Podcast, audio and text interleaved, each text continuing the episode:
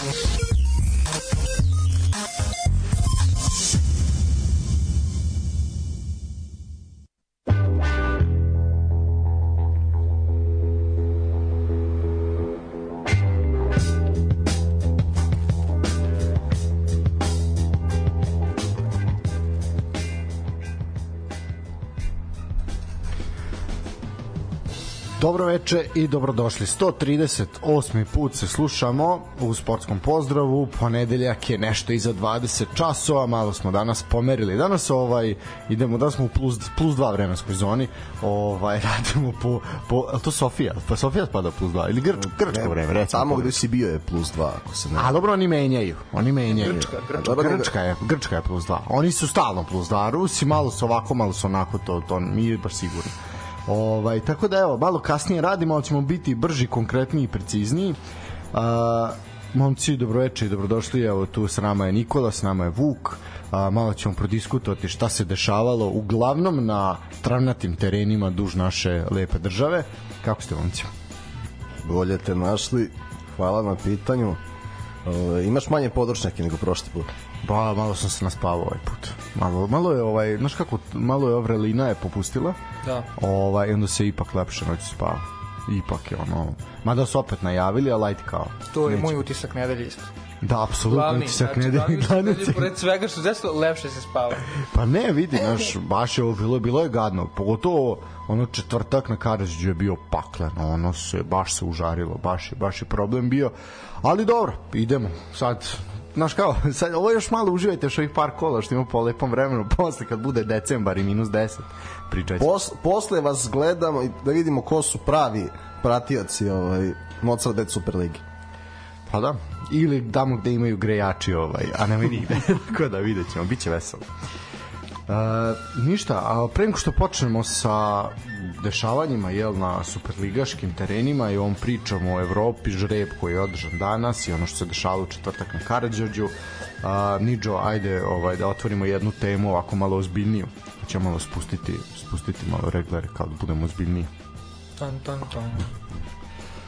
Španski košarkaški reprezentativac Ricky Rubio je pre nekoliko dana objavio da privremeno prekida karijeru zbog mentalnog zdravlja, mentalnih problema.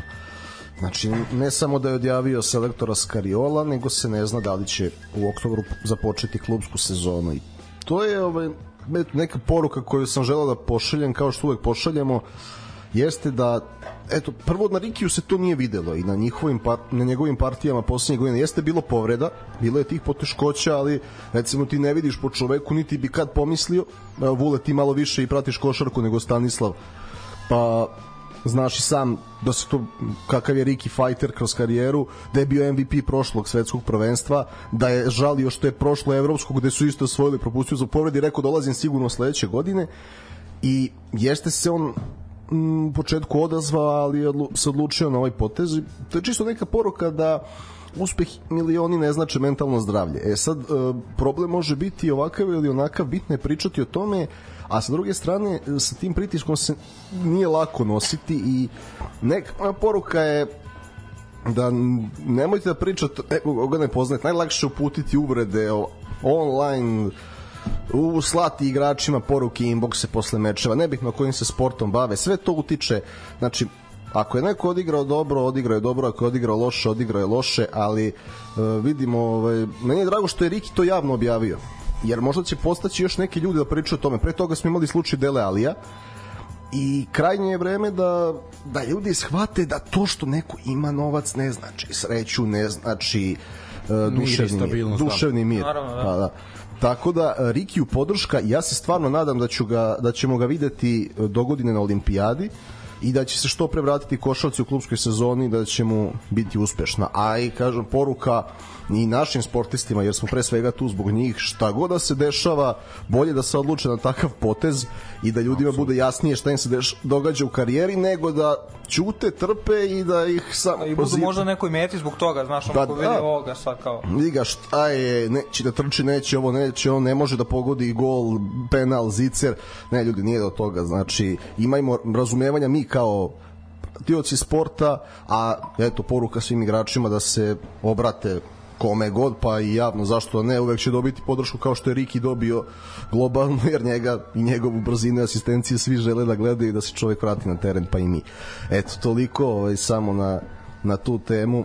Pa ne, naravno, mislim, prvo to važi za sve, za sve ljude da va, vrlo je bitno pričati o svemu Da, i jako, mislim, naravno, bilo koje sfere života. Apsolutno i ono što se negde u ovom ludilu i da kažeš nekom modernom dobu kako trenutno sada živimo, negde se zaista izgubilo i negde ljudi ne žele da pričaju o problemima jer žele da stvore tu neku sliku da je sve savršeno i da se tako prezentuju jer nažalost svako od nas otvori u toku dana x puta bilo koju društvenu mrežu na kojem su jel životi savršeni drugih ljudi jel koje pratite, koje gledate, posmatrate i onda naravno da i vi želite da isto tako pok- pokažete sebe da ste u savršenom u savršenoj formi, u savršenom da vam je sve potaman, a uglavnom u glavi ne bude tako i to je normalno, mislim previše izazova, previše iskušenja, pogotovo kod profesionalnih sportista je to puta 10, ovaj ako ne više.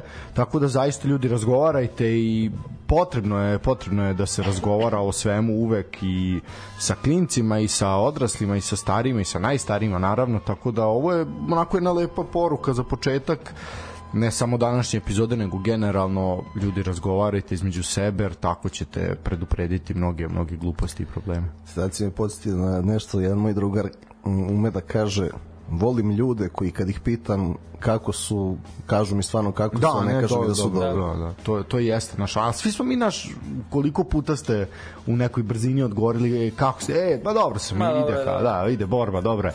Znaš, i ono kao... Ne, Evo, kako se- evo, evo. evo. Ti, evo ja. Da, to je ono u prolazu, a svi žurimo negde, Pa da, ba, baš kao- zato što imamo neki problem. Pa da, znaš, nemaš ti vremena da sad sedneš i da razmisliš i da se zaista zapitaš kako si, jer si stalno u nekoj, naš, ta brzina i to sve, naš, tempo života ti ne dozvoljava da ti sad nešto ovaj, razmišljaš o tome kako si. I onda, znaš, kad sedneš i kad uhvatiš dva, tri slobodna dana, i onda zašto se ljudi razbole na godišnjem ili na slobodnim danima? Zato što taj nivo stresa, razumeš, ono i svega tog adrenalina koji, adrenalina koji drži telo u pokretu, naši u tom nekom naboju spadne i onda ti ono padne imunitet i sve te, razumeš, napadne. Tako da, ovo, ovo je zaista vrlo dobra tema, mi smo ovo pokušali u jednoj emisiji da, ovaj, to je bila jedna novogodišnja, ovaj, kad smo imali dve, dve drage gošće, tri zapravo drage gošće ovde, ovaj, ali svakako bi se o ovome moglo, moglo pričati više, tako da apsolutno, apsolutno pozdravljamo. E sad, kad smo kod mentalnih problema, ajmo na Superligu Srbije. To je. e, a ima još jedna vest, na, mislim nije to vest, ali jedna priča kad smo kod toga ovaj prestajanje s profesionalnom karijerom. Naš dragi slušalac, čije ime ja neću otkrivati ovaj put, je u inbox nama poslao priču o futbaleru radničkog iz Niša. Čovek se zove da ja se ne bi opet promašio pošto naveo mi je trojicu, za dvojicu sam ono smo čuli i znali pričali smo o njima ovde. A ovo je momak koji se zove Islam Feruz. Rođen je 95. godine u Somaliji. To je napadač sa školskim državljanstvom, nekada bio velika nada Celtika. Sa epitetom Wunderkind da čovjek je zakucao na vrata prvog tima Chelsea, ali nije uspeo da da se izbori za svoje mesto i karijera mu nakon toga kreće silaznom putanjem do te mere da nekoliko posljednjih sezona nije imao angažman u radničkom iz Niša, očito su rešili da pokušaju da ožive karijeru, smatrajući da ne mogu mnogo da izgube, a mogli bi puno da dobiju ukoliko Ferus prikaže makar delić potencijala koje je nagoveštavao kao klinac. E sad, nakon ovih rečenica rekli biste pa okej, ovo je neka standardna priča, jel? Ovaj, ali ovako kaže, u aprilu 2020. godine Uh, javljeno je da je Feruz odustao od futbala i da je osnovao kom, kompaniju koja se bavi dizajni, dize, o bože, dizajniranjem kačketa. I time se čovjek bavio dve, dve godine, malo jačeno došao u Superligu Srbije. Vrhunski. To je to. Znači, neka treba jednostavno, treba pronaći sebe u nečemu. Može Bijela da snimi film, realno. Apsolutno. Znači, od Celtika preko Stamford Bridge do Kačketa i Pa da onda do budu Niša. kape kao mali stanoje što ima u Montevideo.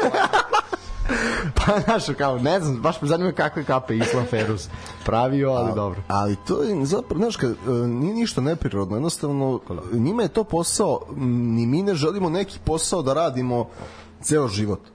Pa Jokić će to najbolje objasniti.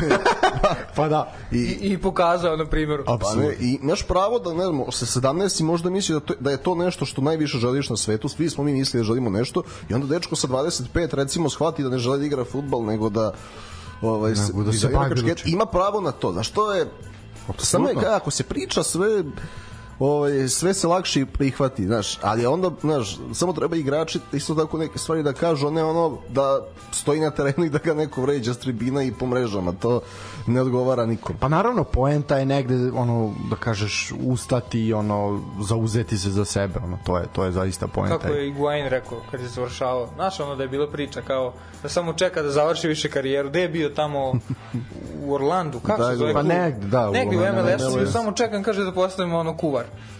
Da, zato što je već bio ono istomačina i sve i kože voli da kuva. E sad iskreno nisam čuo neki ono nastavak priče da je kao stvarno negde počeo ili ima restoran, lance, nemam pojma, ali Zašto da ne, razumeš, jednostavno lik ima stomak, završava karijeru, ekstra karijeru i hoću budem kuvar, hoću da kuvam, da jedem i to je to.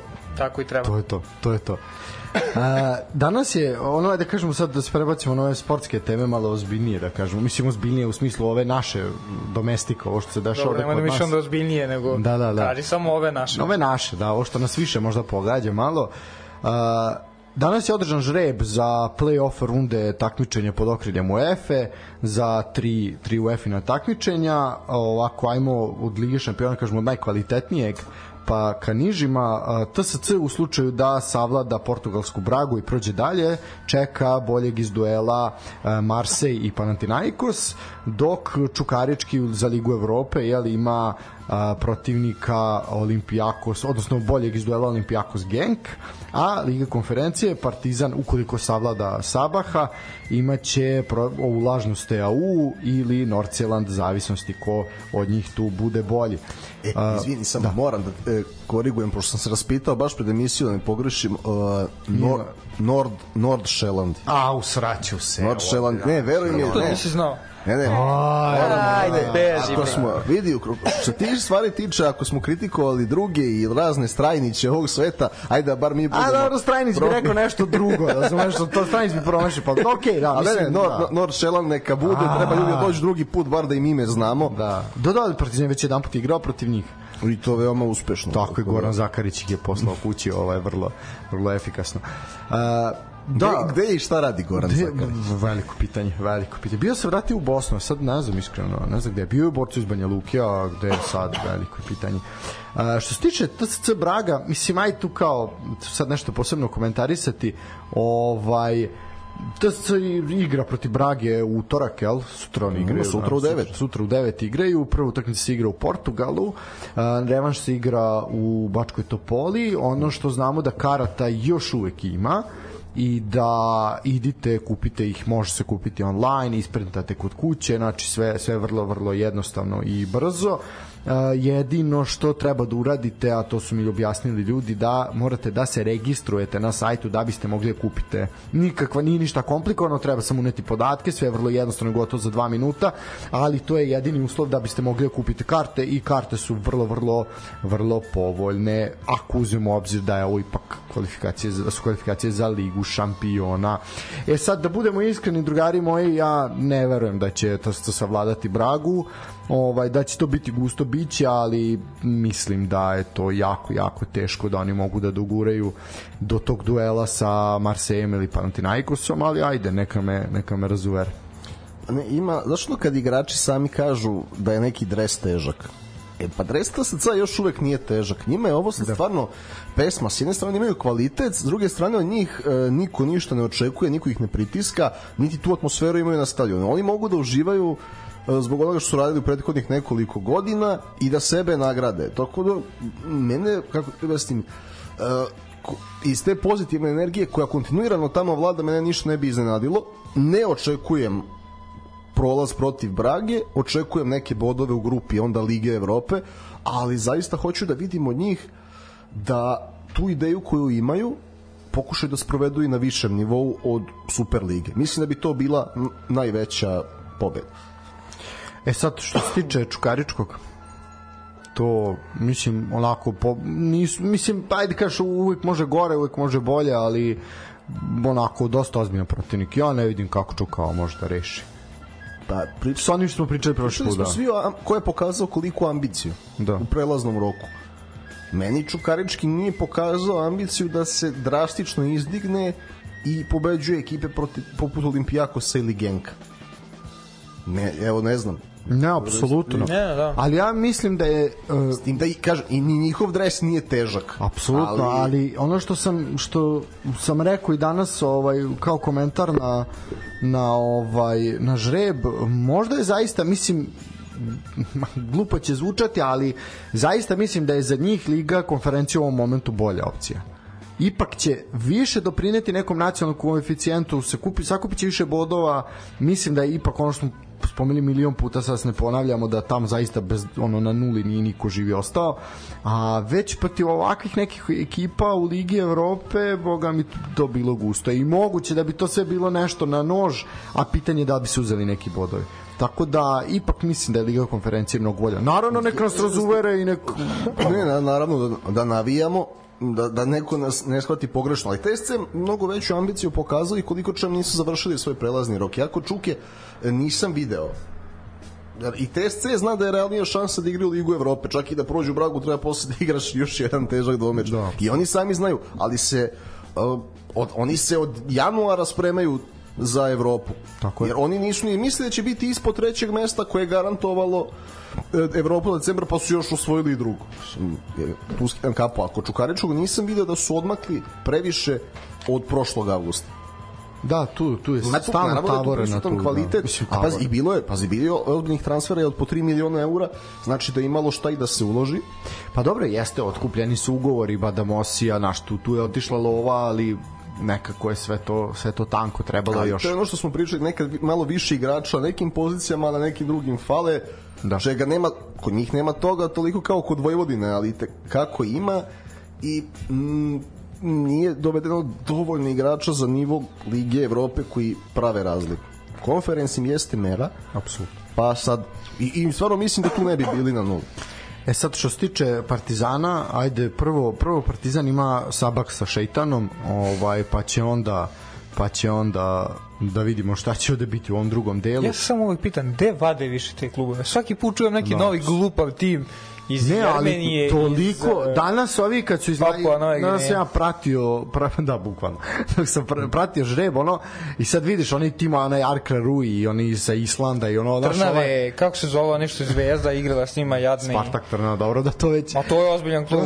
to, Da, i klub ima neku tradiciju. Da, da. Ali ovi naš Arkraru i ove neke gluposti, znaš, ovaj vidiš da onoj motane papirići, on treba da pročita i ono kao, aj, ja, ono, naš jezik mu se Znaš šta je tu lomi. problem? Pazi, uzmi države Evrope. Da. Ajde prva, znači šampion svake države, a tu već imaš u konferenciji u Ligi Evrope, imaš i drugu, treću, četvrtu, tipa ono, aj sad da ne lupim, zamisli sad treći, ko je treći u Litvani? Mislim, možeš misliti kako se zove, možeš misliti kako igra. O, da, e, te- e, ali dobro, Litvanje ima Žalgiris, pa na trećem mestu ima Kauno ima Žalgiris. Oni ne je- komplikuju mnogo. Pa, ni, da. Pa ne veži. Pa ne vežiš, da. joj, brate. S njime Voša igrala, jel? Jeste, jedno Da, Kad je, Ka, kad je Kabić dao onaj lob. Da, da, da, preko je godinu. Tako da mislim ono što se tiče Partizana i tu te evropske odiseje ona tek treba da počne ovaj u četvrtak e, i se igra u Azerbejdžanu jel zatim će se ovaj igrati revanš u Beogradu pa nek se prvo prođe Sabah pa ćemo onda da ne bude naziv moje nove kolumne dok čekam Sabah sa Šeitanom bolje da ne prizivamo ništa Samo nek bude Odiseja, ne Titanik. Pa to, bojim naš. Pošto mi se Dejan Zukić sam iscrtao prvim minutima meča sa Apoelom, boga mi bojim se da ne bude i ovo. Ovaj, ne, o, ovaj dres Partizana već jeste težak, ali stvarno mislim da Partizan ima obavezu da uđe u grupe, pa onda čeka žrebi. I mislim, i kako se, ali to, o tome ćemo kasnije, kako se ušlo u ovu sezonu i zaista učinilo sve da se neke promene naprave, mislim da i da hoće. Pa znaš šta, mislim, da kažeš, ajde, Partizan je kreće prvi od ovih e, klubova što se tiče. Mislim, kreće, kao, ne kreće prvi u smislu, ali kreće od najnižeg nekog, jel, najniže lestvice, ovaj, da uđe u grupnu fazu, manje više će oni, jel, Čuka i Partizan će vratno biti u istom takmičenju, ovaj, i onda, naš, kao, opet meni deluje da iako je Partizan će krenuti naš iz runde ranije i sve to da će ipak Partizan skupiti više bodova i nekako i, očeku, i očekuješ, a izdeluje ti tako da će oni ipak biti ozbiljni konkurenti da prođu grupu. A i, Kako ne? To je Partizanova obaveza. Pa naravno, se ne lažu, mislim. ipak, ipak Tu sam teo samo malo, ako možda se vratimo na, da. na TSC. Razmišljam sad nešto, pazi da je TSC, mislim naravno svaka čast i treba da ide u Ligu Evrope zasluženo, Apsolutno. ali, pardon, fora u tome što zamisli da su oni u, u ovaj, u Ligi konferencija. Ja sam onako radim, iako rekao si to, znači nema težine dresa, nema ovo ono, nema, nema neke istorije to, ali ja sam siguran da bi oni, ako bi dobili neku onako i malo možda srednje jaču grupu, bez nekih jako slabih ekipa, da bi oni prošli. Liga Evrope je druga priča. Liga Evrope je, znači, ne, ne znam sad da li da pravim neku paralelu, ali jednostavno e, neke grupe Lige Evrope nisu toliko slabije od nekih grupe Lige šampiona. Apsolutno. Apsolutno. Partizan je prošle godine klasičnu grupu Lige Evrope. I Da, da. jako je prošao. to i to me nervira što ajde objekt, objektivno gledano neće verovatno TSC proći dalje. Nek ode u Ligu šampiona, ali neće. Najverovatnije. I bit će u Ligi Evrope. I šta sad upadne mu, ne znam, ono, upaš, upadne mu dve jako dobre ekipe. Upadne mu jedan premier ligaš. Na primjer. Razumeš? Da. I upadne mu, ne znam, iz zla lige neko jako dobar ko tipa Atletico Madrid, ako nije lupam sad, ne, ne, uopšte ne znam, Valencija, nemam pojma. Betis. I Pa eto, razumeš, budu problemi. napravi problem. A da su Ligi konferencije, ja sam siguran oni mogu da prođu grupu. Pa da, naš, realno je da je to naš nivo. Realno je da je Liga konferencija nivo gde mi možemo da se borimo i da napravimo neki I da, rezultat. I da naša prva 3-4 kluba mogu da prođu tu grupu. Apsolutno. I tako da skupljamo bodove, razumeš? Pa nek Dinamo igra ligu šampiona i nek gubi tamo, a mi ćemo igrati konferenci ne, pobeđivati. Zvezda i Partizan kada bi radili kontinuirano dobro bi mogli da osvajaju ligu konferencija. Znači ja se sad ne šalim, ali da imaš kontinuitet. Slažem se. Ne, ne, Ko- ja- Znači, evo, ja stvarno Ako mislim da su ovo... polufinala. Polufinala, to tako je završnica, pa sad- A Zvezda sa ovom ekipom realno bi bila u zaštiti Lige konferencija u Bi, polufinalu. bi, ipak- bi, bi, bi. da je uložena, da je se svaki put uložio ovakva energija i scouting i profili igrača kakvi stižu u ovom prelaznom roku oba tima, ja verujem da će konferens, ono, borba za trofej komotno. Ali to su neke sad već... Da. Da, štarije. A, bi- a bić?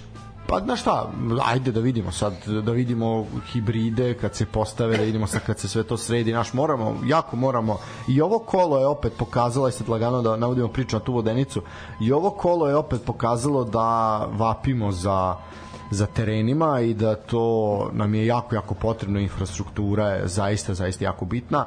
I to se pokazalo pa verujte već ovaj na utakmici protiv Apoela i Vojvodina je Apol u četvrtak iako nije bilo padavina i nije bilo vode na terenu ali da taj stadion vapi za rekonstrukcijom to je toliko bilo je evidentno da na plus 40 stepeni vi niste imali mogućnost da kupite vode ili bilo kako bilo kakvu tečnost na Pa ne sme stadionu se unese normalno. ne sme da se unese što je opet u redu ali da klub nije organizovao apsolutno ništa nego da uh, znate kako su prodavala tečnost na, na, ovaj, na stadionu Karadžiđe u četvrtak Ste videli kako je bilo organizovano? Mislim, organizovano. Znaš da sam bio skroz dole onda sa našim da. dragim drugarima. sedeli, ali si video kako je bilo?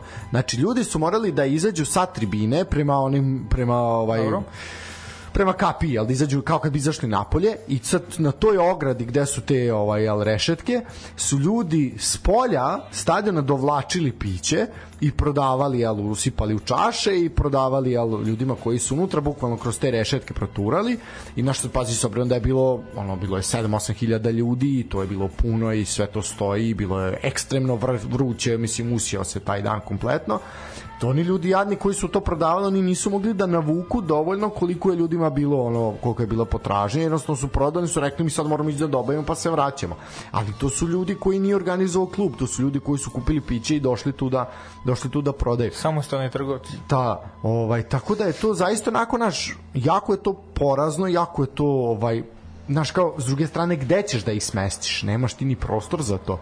Tako da, e, jako je to, da ne pričamo o toaletima i tako dalje, i o tim ulazima, da se tu uvijek cepkaju karte i to je sve nešto što je onako sad već i uslov od strane UEFA da morate tako nešto imati ako želite Što bi da neki novinari, novinari ne samo sportski, nego rekli duhovi prošlosti. duhovi prošlosti. da, da, da, prošlosti. duš- Pa bio je onaj, um, kada je završio epizodu u Zvezdi bio intervju Miloša Milojevića veliki onako da je otvoreno pričao o svemu, ali je nekoliko puta naglasio da nam trebaju novi stadioni bez atletskih staza, moderniji, pristupačniji ljudima. I 100% je u pravu, zato što je zna čovek nije čak ta atletska staza toliki ni problem. Ovaj ako imate sportsko društvo, ovaj ok, nek bude atletska staza, ali ono što je nama potrebno je potrebno je ta infrastruktura, prilazna infrastruktura, parkinzi, to da da, da je WC uredan, kulturan, čist, mislim to tako. To su a pazi, to su stvari mi u 2023. godine pričamo o čistom WC-u ili da postoji WC, mislim to je ono malo je problem naš, higijenski minimum. A tek onda da ne pričamo o točenju pića i ovo je ono vidjet ćete kad budete išli u Topolu kako uredno ispod svake tribine imate šank gde možete da poručite piće gde to sve funkcioniše, naš zašto tamo može, ovde ne može. Pa ajde napravimo da može i ovde. Mislim, pogotovo mislim da to nije ništa. Eksama, pritom klub može i još da profitira dodatno od toga. Tako da, to je što se to, tog nekog utiska tiče, ovaj, poseta je bila vrhunska i to zaista treba ovaj, skinuti kapu, preko 7000 ljudi je bilo. Ja, stvarno pakleno bilo. Ali je, Ne- jako, jako je bilo vruće, mater. jako je bilo vruće. Je bilo. Još pogotovo ispod zapada gde se usija onaj limeni krov, baš je bilo, baš je bilo gadno, ali dobro. Radili smo neke ankete i par ljudi sam pitao, ono, kupuju karte, kao šta prognozirate, a ja gledam ovako, znaš, ono čkiljim, a ovaj gleda u mene isto onako, znaš, ne, ono, snima, kad, ja kad sam ispod, dobro, jesi, brate, jesi, ispod si, hvala, ono, mislim, svi su prognozirali, okej, pobeđuje Voš, ali ono čekaju lijet iz noje, razumeš, Da, ti da. pričaš, a misliš, znaš da ćeš biti negde na ekranu, ovo ono, pa ti malo prpa, razumeš, ali šta ćeš? Znači, vrijeme je stvarno bilo jezivo, a i mislim jasno. dobro, usledila je jeli oluja i ono sve što je bilo Da, posle, ali dobro. Uh, mislim vre, kako sam lepo rekao u svom tekstu, vrelina na sa tribina se nije prenela na teren, nažalost na terenu je bilo poprilično lako. Uh, jeste Batak malo tu nešto kao promešao, stavio je Zukić odmah od starta, bio je tu Malbašić i tako dalje, međutim Uh, opet je to bilo slabo, mlako, bezidejno, bez odgovornosti, opet se čekalo šta će Čumić da uradi. Uh, mislim, to smo komentarisali za 90 minuta igre, imali ste 3-4 puta situaciju samo da su ljudi iz Zvezdnog reda prišli da uzmu loptu od štopera, uglavnom se to završalo tako što Jeličić se izvuče na bok i onda nabije loptu, pa šta napredovi urade. Ne, ali taj pogled i Carevića i Crnomarkovića i Lazarevića i Ora kad se primi lopta, znači svih pozadio sam Jeličića, znači ono prvo levo pogled gde je Čumić, Da. pa da, da kažemo rešenje. da, to je ovo- Leo Čumić, desno Znaš, za, zato sa, a to je ono što mi kažemo, dolazite uživo na utakmice da vidite stvari, znači jednostavno, ok, komfort Da TV, sve super, ono, da. ali još kad vidiš ove stvari, ako, onda uđeš u malo više u suštinu igre, ne moraš da budeš ekspert, samo vidiš Jasno, ne, ovo je- neverbalnu komunikaciju, sve ti je, bu, bude jasno. Apsolutno, bilo je, čak i u nekim momentima, naš, kad je Čumić prilazio da izvuče loptu ono sa te zadnje linije, apsolutno ga naš ono kao svi su bili, e dali smo njemu, sad će on nešto da uradi, a mi ostanemo ne isprati niko To je strašno bilo. Ne mo, znači ne može čovek da mislim ne ne u ovom bilo kom fudbalu, a ne posebno u ovom modernom da predriblja tri igrača uspešno i da nakon toga nema rešenje za pas. Višak na, po strani. To to je Pazi, ok, nezamislivo. da njemu pustiš loptu pa on šta uradi, ali trči, brate, ono, Da, isprati pomozi, ga. pomozi posle. Niko da. nije apsolutno nastavio kretnju nakon Da, da, da, lopte, jasno. vidi- Dodaš loptu, video kreneš dalje, sam. nema priče. Ovaj, ali vidiš, I u Argentini daju Mesiju loptu, al trče. Pa, da, pa, a, naravno, ono što je pa, najgore uh, Vojvodina s takvom igrom jasno je da ne može u Evropu uh, ali Vojvodina je tu apsolutno istu igru pokušala protiv Partizana u nedelju I sad šta, ona je, i uspevalo je, Čumić je uspeo nešto da napravi, pa neki centar šut, pa nešto, ok, posle se izgleda i povredio, ali ok, mislim, ajde. Imao je neki učinak, ovde je bio potpuno zatvoren. Što samo znači, i ono što je mene zabrinulo, da i naše, pazi, Vojvodina će s takvom igrom opet ostvariti neki rezultat i biće u vrhu. Da, biće to 5-6, Da, da. I, I to ti samo govori opet koliko smo zapravo ono slabi. Znaš šta je tu još gore? Apoel. Smešan. kriminalno. Ono je, ono je Ono je smejurija. najgori Apoel koji smo mi gledali od kad mi ja ne, znamo ja ne, Apoel. ljudi, ja ne mogu više, ja sam se stvarno nadao, ovaj, ne mogu da trpim da naš futbal toliko, ja ne znam ko je fora s tim Kipranima. Znači, prvo je Zvezda ispadala od Apoela, pa je Partizan ispadao od Apoela. Pa je onda šta je bilo, pa je Zvezda ispala od Omonije. Omon je još jedan Pa je, spisku. pa je Partizan ispao od Larnake i sad je Vojvodina ispala od ovog Apoela gde, gde vidiš da ljudi igraju u Apoelu zato što ono Pa imao si Ajl. Kip, Ajl, Ajl, da, im- jao. Oni su najne, najnemoćniji, nikad nisam Da. poraženiji izašao sa stadiona nego ta 2012. Da, ono, ja, ono, ono tužno dete. Ovaj, ja, znači, Apoel vidiš da su to, mislim, ja, zna, ko me zna, zna koliko volim Raću Petrovića, ali ono, i on i još neki igrači tu su u fazonu imamo kipar plaže, ugovori da dotaljamo karijeru. Apsolutno. Ne, Ne, on baš izgleda kao da mu se ne igra više, kao da mu se ne hoda po travi, brate. e, Baš je ono, prvo ga nisam prepoznao, rekao, moguće da ovo, onda vidiš se. njega, on ono kao razmišlja dve sekunde, ono, ono gleda gore. Dobar, da, kao, naš drug Strahinja, kad je ovaj Raća ušao na teren, je rekao kao, se sećate onog momenta kad je Blackburn popi, potpisao Raću Petrovića i Simona Vukčevića. E, tu je bilo jasno da će ispasti iz lige. ovaj, e, to ti je to, znaš, ono kao, ne znam, mislim, zaista nikad očajni apel. Ok, kriza je, ne primaju plate, loša je finansijska situacija. Mi se svi sećamo Apoela koji je bio i u odličnoj finansijskoj situaciji. finansijski da. bolji, futbalski bolji, sad imaš tamo nekoliko drugih klubova koji imaju finansijsku dominaciju Apoel trenutno nema tu stabilnost, samim tim izostaju trofeji i jako se loše skautira, jako se tu kupuju igrači koji su ono naš, eto samo kao je dovedemo stranca koji će eto možda nešto napraviti, a uglavnom je to uglavnom je to jezivo. Mislim da koliko su rekli da je ukupno u protokolu bilo tri, tipa tri Kipranina samo, mislim da tako nešto da, ali okej, okay. kaže se Kiprana. Kiprana, izvinjavam se. Šalim se, nemam pojma kako se kaže, ali samo sam znao da ćeš reći jednu varijantu, pa ja kažem drugu. Da, da, znači. da, su ganci od zaganjani. Ovo. E, ali ne, stvarno ne, znaš, ne volim kad naši klubovi ispade od takvih ekipa. No, znaš, kad ti dođe skolskan tim mašina i ono kažeš, ovi ljudi igraju i šta se radi. Ali što ne pazi, i ovakav tim je bio za klasu bolji od Vojvodine.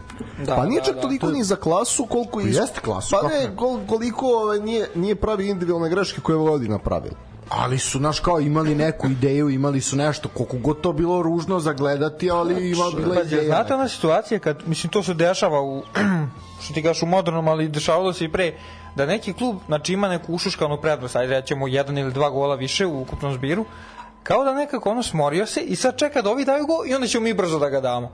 Znam kad sam gledao, ono, gledam neku nalet. utakmicu, u tom smislu kad je neko baš za klasu bolji, bukvalno ono kao da čeka da se desi, ovi daju gol i onda oni samo uzmu i za dva minuta daju opet i opet je sve isto. E, Pa to, mi to se ono što kaže, to igraju malo- koliko im je dovoljno, znaš, da. Bukvalno na to mi je malo ličilo u ne, nekim trenucima.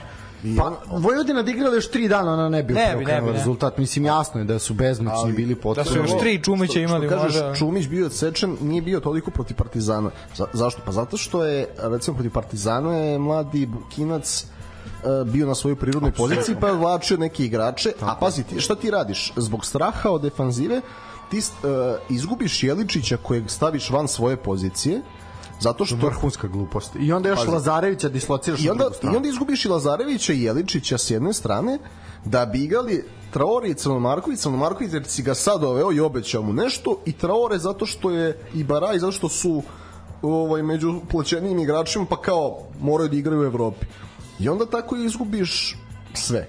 Ja, ali što najviše brine? I u četvrtak i juče.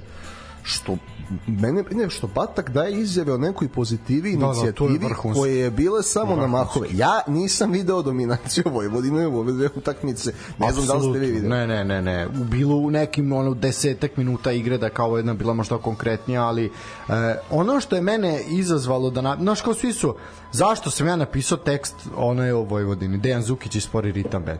Napisao sam samo zato što me provocirala izjava, isprovocirala izjava Radoslava Bataka nakon utakmice. Tu ta, tu bure floskula koje on proso pred ljude i ti onda nakon svega toga izjaviš imamo če, optimizam pred utakmicu s Partizanom, ali druže, kakav optimizam? De, mislim, okej, okay, možete biti optimističan da će ono pasti nešto s neba, ali daj, budi realan. Ja, pri čemu ja njega ne smatram na najvećim krivci nego one koji mu nisu omogućili tim i pokazali ambiciju. Apsolutno su svi odgovorni za svoj deo posla. Znači, igrači su odgovorni zato što se nisu trudili, Batak je odgovoran E, taktički. ne, mislim da se nisu trudili. I, Nisu se trudili, imao si Milosavljević koji se nije video. Mislim, Pa ono nije, čak- a to je, ali to je stvar, ja mislim da se nisu trudili. To je ono, e, nije da su, kako ti objasnim, oni su se trudili, ali to je ono, e, trčiš tamo u sprintu gde i kad ne treba jer si loše pozicioniran. Te ono što bi je Guardiola rekao za Rodrija, mnogo mi trčiš, postavi mi se kako treba. Tako i ovo. E, trošenje snage u fazama utakmice ali oni početno. nisu, ne da kažu da su oni trošili snagu, oni nisu, oni su bili statični, previše, svi su bili statični. Znači, ja nisam video mnogo veća želja i mnogo veća borbenost je bilo protiv Partizana nego protiv Apoela. Pa bilo manje vruće. Da, da, što kaže, natopljen teren je bio prednost. Dobro, zato što i, i Partizan je ovaj Partizan bi igrao otvorenije nego Apoel, znaš. Pa je Opet, ali bez obzira, znaš, kao protivnički igrač imaš loptu, zaleti se bre kontru. Apoel im nije ostavio kontru, e, to, ali to je A ne ono- pričamo o kontri, ne pričamo kontri, pričamo o tome da Ali- pa imaš da protivnički igrač ima loptu, da se niko nije zaleteo njega na faul. Da ni ni jedan put nisi imao moment Christian Belis da neko ide onako da kliza i da luduje. E, to, to su stvari koje su to je, a Vojvodina bila anemična, za to treba kriti igrača, kad ne sve, ali pojedine. Ba, ne, naravno, ali ne mislim kad, znaš, uh, imamo mi malo tu floskulu kad se ne napravi rezultat e, da se nije trudilo. Nije da se nije trudilo. Možda da se trudiš 100 godina ako svako je deo, ne ne, ja sam rekao, svako je deo, svako je kriv za svoj deo. Znači, ovi su krivi što su anemični, Batak je kriv što je ispogre... Batak je kriv za prvi meč što je loše postavio, što je kasno krenulo sve. a, kriv je i sad apsolutno za jed... nije najveći kriv, ali je kriv. A kriv je Izbiljić. Kako je, Svi su krivi. Apsolutno su svi krivi. Pazi, e, da je, da je doveo igrača trećinu e, igrača koliko je izjava dao, Vojvodina bi lagano ušla u play-off. Mislim, i opet ta priča, dovođenje Rosića u, u dva meča, dovođenje Bolingija, dovođenje, ovo je došao je Gruzijac, Bek danas, znači sve je to kasno, dragi moji, ako je cilj bila neka Evropa. A, A očigledno vidimo da nije. ama to sad Znaš, oni to je pričaju da nije, oni su to želeli, Pa da, samo to je što... ona fora, naš, kad nešto, Da, znaš, da, sad nisi Zvezda zvao- kad ispadne iz Euroligije, onda kažemo, ma nema, mi aba ko se ligu ložio, jurimo, ko bre, se ložio si na. Euroligu, da, sećam se Ne, ne, ja samo mislim da taj Lazar Rosić je razmatrao ponude i nije imao ništa bolje i onda je u momentu, ok, sad je već početak avgusta, vamo tamo idem ja u Vojvodinu, naš, verovatno neće biti ništa, da na kraju ne izvuča ono Rudar Prijedor i, i slično. Mislim, nadao sam sad, ali ne, ne, posledno Da se ne vređamo. ne vređamo, da. Ne, ali naš, jednostavno je daš, to je kasno, kasno. Bolingije, znamo zašto kasno došao, zato što je kasno stigla ponuda. Uh, isto i ovaj sad, na sve to, sve su to kasne, zakasnile stvari. Ok, oni će njima značiti u ligi, ali negde gde je trebalo nešto da se napravi, gde je moglo da se napravi, velika šteta. Velika. ali vidim, e, to je ono što sam ja rekao s tim da je sledeće godine malo drugačija situacija nego ove, isto imamo pet klubova i isto je sve s tim da drugi ne kreće od trećeg kola kvalifikacija za ligu šampiona nego od drugog kola. Da. I sad im, imaćemo situaciju kao Ukrajinci ove godine, da drugi nema garantovanu jesen u Evropi, a treći ima. Ali Štefan, ja, ono što sam rekao, ja stvarno mislim u nekom momentu da nekako malo zavide Čuki i Tešceu, da imaju želju stvarno za tim trećim mestom, da u nadi kada ovi budu tokom jeseni igrali Evropu da će da gube bodove, a da će sa Rosićem, Bulingem i možda još nekim pokušati da pobeđuju male utakmice. Ja ne Ali- verujem da će oni biti bolje plasirani od četvrtog mesta. Ja ne, ja ne, ja sam im četvrtu prognozirao, Čak i to je ono... ali, ali hoću da kažem, e, Vojvodin nisu više veliki klub da bi se tako ulazilo u sezonu. Stvarno, jako je meni loše kada veliki klub, a ti ne možeš da budeš mali klub, samo da imaš Vujadina Boškova istorijski, ti nisi mali klub. Ne možeš da, da ulaziš u sezonu tako, jer ja stvarno, eto, malo, malo ranije su se možda do... Nek se samo Rosić i Bolingi došli ranije Apsolutno bi drugačija slika bila. Apsolutno.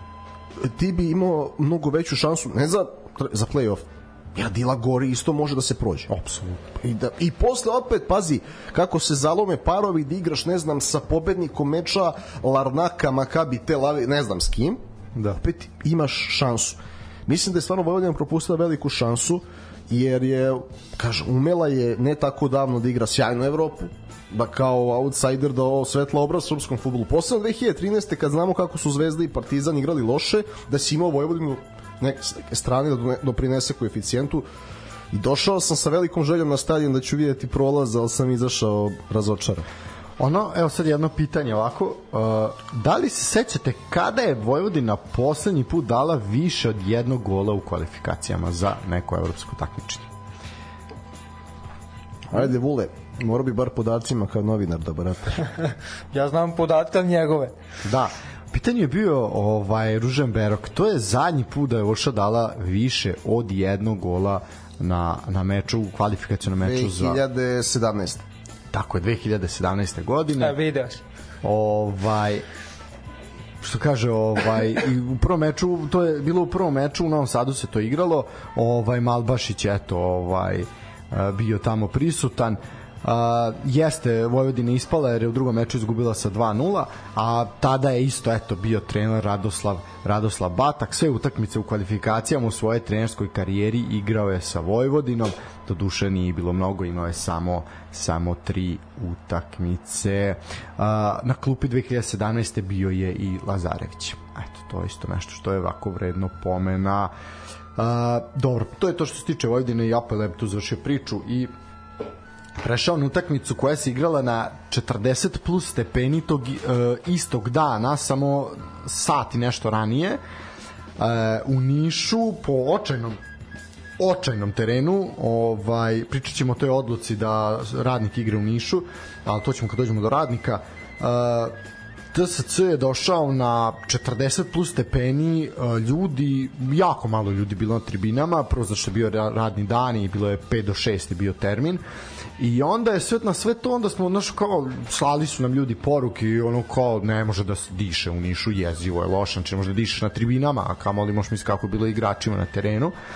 Ovaj, I onda je bilo kao, pogledali smo termine za vikend, smo videli da je bilo ono termina pola šest, i tako nekih nekih stvari ovaj ono da možda zamislite onda koliko je sreća ajde subota je već bila malo niža što se tiče temperatura ali ovo je bio najpakleniji meč definitivno što se toga tiče. E, i tu je negde bila potencijalna mina da će TSC možda da da ispusti bodove međutim zaista je TSC bio ubedljiv u Nišu. E, jesu svi sva tri gola pala u zadnjih 25 minuta.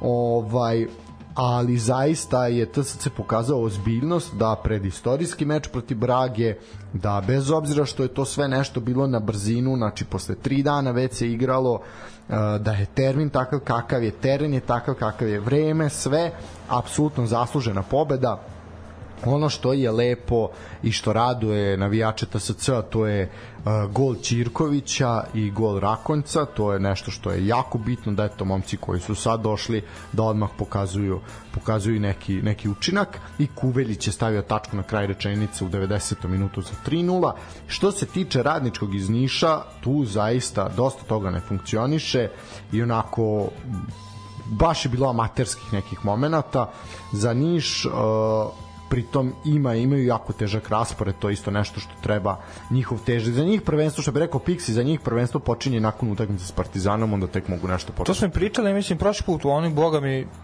Niš je, jedni od kandidata ovih godina Apsolutno, za, za ispadanje u ovo ime najzreliji su da čučnu ove godine i mislim da to, ja im to iskreno i želim za, zbog njih. I pogotovo ako smo videli ovaj, u ova dva kola partije Železničara i MTA e, koji su se pokazali ekstra i apsolutno. koji nisu da neki ekipa, a ušli smo u isprašćemo odmah. Ne, ne, apsolutno. Znači obe ekipe su odmah pokazale da iako ne razmišljaju o tome. Iako je Železničar ostao bez bodova, pričat ćemo o tome, ali, ali apsolutno je mnogo više, mnogo bio kvalitetniji kako ne, nego, kako ne. nego radnički iz Niša za sada.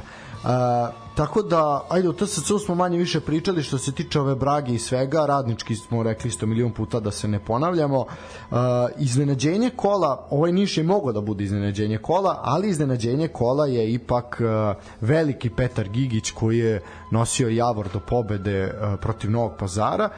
Uh, inače, uh, pre ove utakmice Javor je četiri puta dolazio do prednosti protiv Novog pazara na svom terenu i ni jedan put tu prednost nije izgubio. Znači o, svaki put kad je brate, svaki put kad je svaki put kad je poveo ovaj nikad nije izgubio bodove protiv Novog Pazara na svom terenu. Ovo im je ukupno evo peta peta pobeda. A, što se tiče ove utakmice Petar Gigić prvo gol, zatim dve asistencije, čovek nastavlja tamo gde je stao prošle sezone. Ovo se od njega očekivalo. Malo je pred kraj bio onako utihnuo, ali... da je po, poslednja sezona ili polusezona u Javoru. Sigurno. Pa, da li će to biti osim ako ne želi da skine klub Super lige ili da. inostranstvo osim ako ne želi da skine Milovana Milovića kao legendu kluba onda ja ne vidim ne vidim kako to ali viš recimo to je interesantno da ovaj kad je bio onaj transfer u Partizan i i tada se videlo da on kako, uh, prvo da i da zna da asistira da igra pressing, ali to nije bilo dovoljno naravno za nivo Partizana, posebno kad ti se Sadik pojavi koji te pretrči i preskoči u sekundi. ali, znaš, ne počinje svaka karijera sa 18 godina. Evo sad koliko Gigić ima 26, Evo sad je neka, u najboljim godinama, ja stvarno očekujem da gde god igrao njegova karijera jednom narednih 5-6 godina bude onako konstantno dobra. Pa realno sad je, mislim, zaista, ako nastavi kao što je prošle sezone, a deluje da hoće, ovaj da će na polusezoni ako ne makar otići u neki klub malo bolje rangiran u Superligi Srbije ako ne u inostranstvo jer definitivno po igrama po igrama to to zasluže ovaj da kažemo da je Marko Bradović postigao pogodak za 2-0, Campbell je podigao na 3-0, a Dešinja je u 56. minutu uh, smanjio na 3-1. Uh, nemoćan je bio Aničić poprilično, jesu pazarci promašivali ovaj svoje šanse u prvom delu meča, ali zaista zaslužena pobeda Javora i mislim da to ovaj ne može niko da im ospori i ovo su jako, jako bitni bodovi jer Javor je uvek tu prvenstveno da opstane pa onda ako nešto bolje urade onda su Ovo će slušalci te kasnije da skontaju, ali šta bi tek bilo da piše Gigić na dresu? E, možemo. Odmah, apsolutno. Ne, može. Ajde, Ne, ajde, ajde. ne, može, zato što je ovo, ovo je ta priča odmah vezana, pa jeste vezana za Javor najviše, mene to kod Javora najviše ubija zbog boje dresa. Ovaj, šta se dešava? Danas se pojavio zanimljiv tekst koji su nama odmah a, prosledili a, i ovako a, ja sam pročitao i bilo je molbe, molim vas prokomentarišite sa više strane zaista stiglo i naš drugar koji vodi fantastičnu, fantastičnu stranicu na Instagramu Stadion i Arene koju zaista treba da zapratite ovaj, jer zaista prvo što ima pregršt odličnih fotografija i tekstova i utisaka ovaj, bavi se i nekim temama više infrastrukturne prirode kako kod nas, tako i u regionu i u Evropi generalno. Uh, tekst se zove Odštampajte ta slova nije 88. godina. Pola Super lige bez prezimena na dresovima.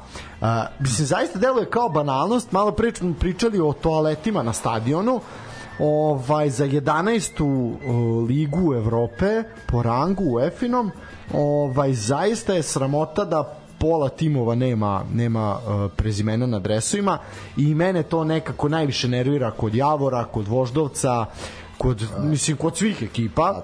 To je, to je, izvini, ono nepoverenje da će se igrač uopšte duže zadržati, pa onda na, u polusezoni isti broj drugom A čoveku. ima to više faktora. Ima i to da se igrač neće dugo zadržati, ima to da se jedna garnitura dresova koristi tri sezone, uh, ima to da se dobije nedovoljno dresova, ovaj pa se s tom garniturom krpi kako može i kako se može i ne i mislim sve u svemu problem je uh, što vlasnici, odnosno ne vlasnici, ali čelnici klubova, a, naš njima je draže da im neki sponsor bude neki Adidas ili neki Nike, iako, realno ti ne zanima šta je Adidas i taj Nike, umesto da uzmete opet sad spominjamo taj Macron ili tu neku Pumu, mada Što neka neka domaća, mislim... Pa nemaš. Ne, ali što, ne kažem za klube, nego što ne napraviti neku domaću?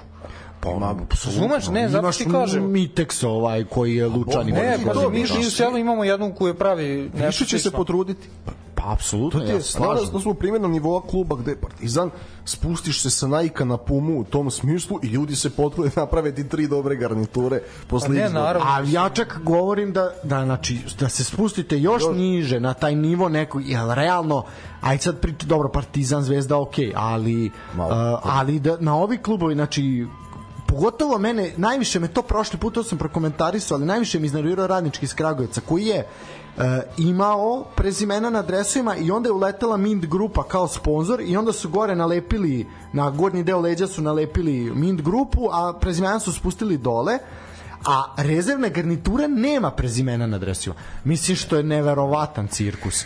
Ono, imao si, imao si pre par godina situaciju u pazaru da si ima piše Numanović nazad, ono, i onda se skonta, znaš, i onda je to lepo, neko je, mislim da je čak Saša Rakić Bajinović bio, je rekao, nemojte misliti da ima 10 Numanovića, nego je pojente da je to sponsor prezimena su dole. Ovaj, Pozdrav za Sašu. Ne, v, možda grešim duša, ali ja mislim da, ili Radoča je možda bio, ili on, nisam siguran. Pa nekad su radili zajedno Da, pazara. znači ovako, ali- uh, Lučani nemaju, Javor, Novi Pazar, Kraguje. A pazi sad, Novi Pazar ima fantastičan dres ove godine koji je uh, plavo-beli, gde je broj lepo pozicio- pozicioniran na plavom uh, delu leđa.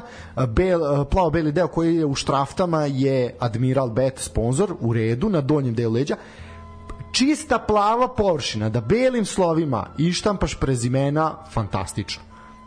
Stoji prazno. Neverovatno.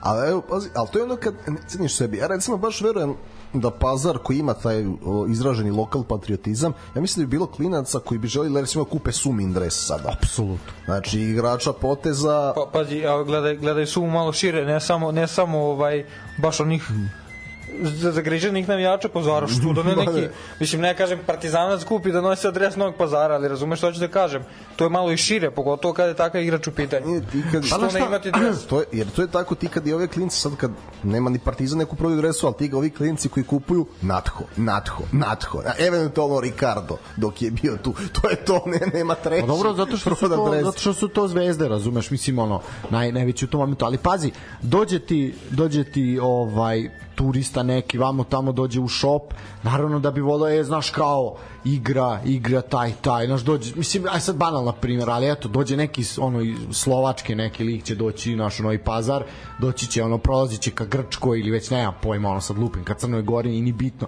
staće u Novi Pazar, razumeš, će reći, e, pa znaš, kao Slova, Slovan Bratislava, Suma, igru tamo, što ne bi, ono, naš kupio dres, mislim, sad navodim banalan primer, ali može se tako razmišljati i na tu stranu ili evo sad imate evo na primer imate sad koliko? 300.000 Rusa u Srbiji. I Ukrajinaca i sve. Igra vam Evgeni Palov u železničaru iz Pančeva.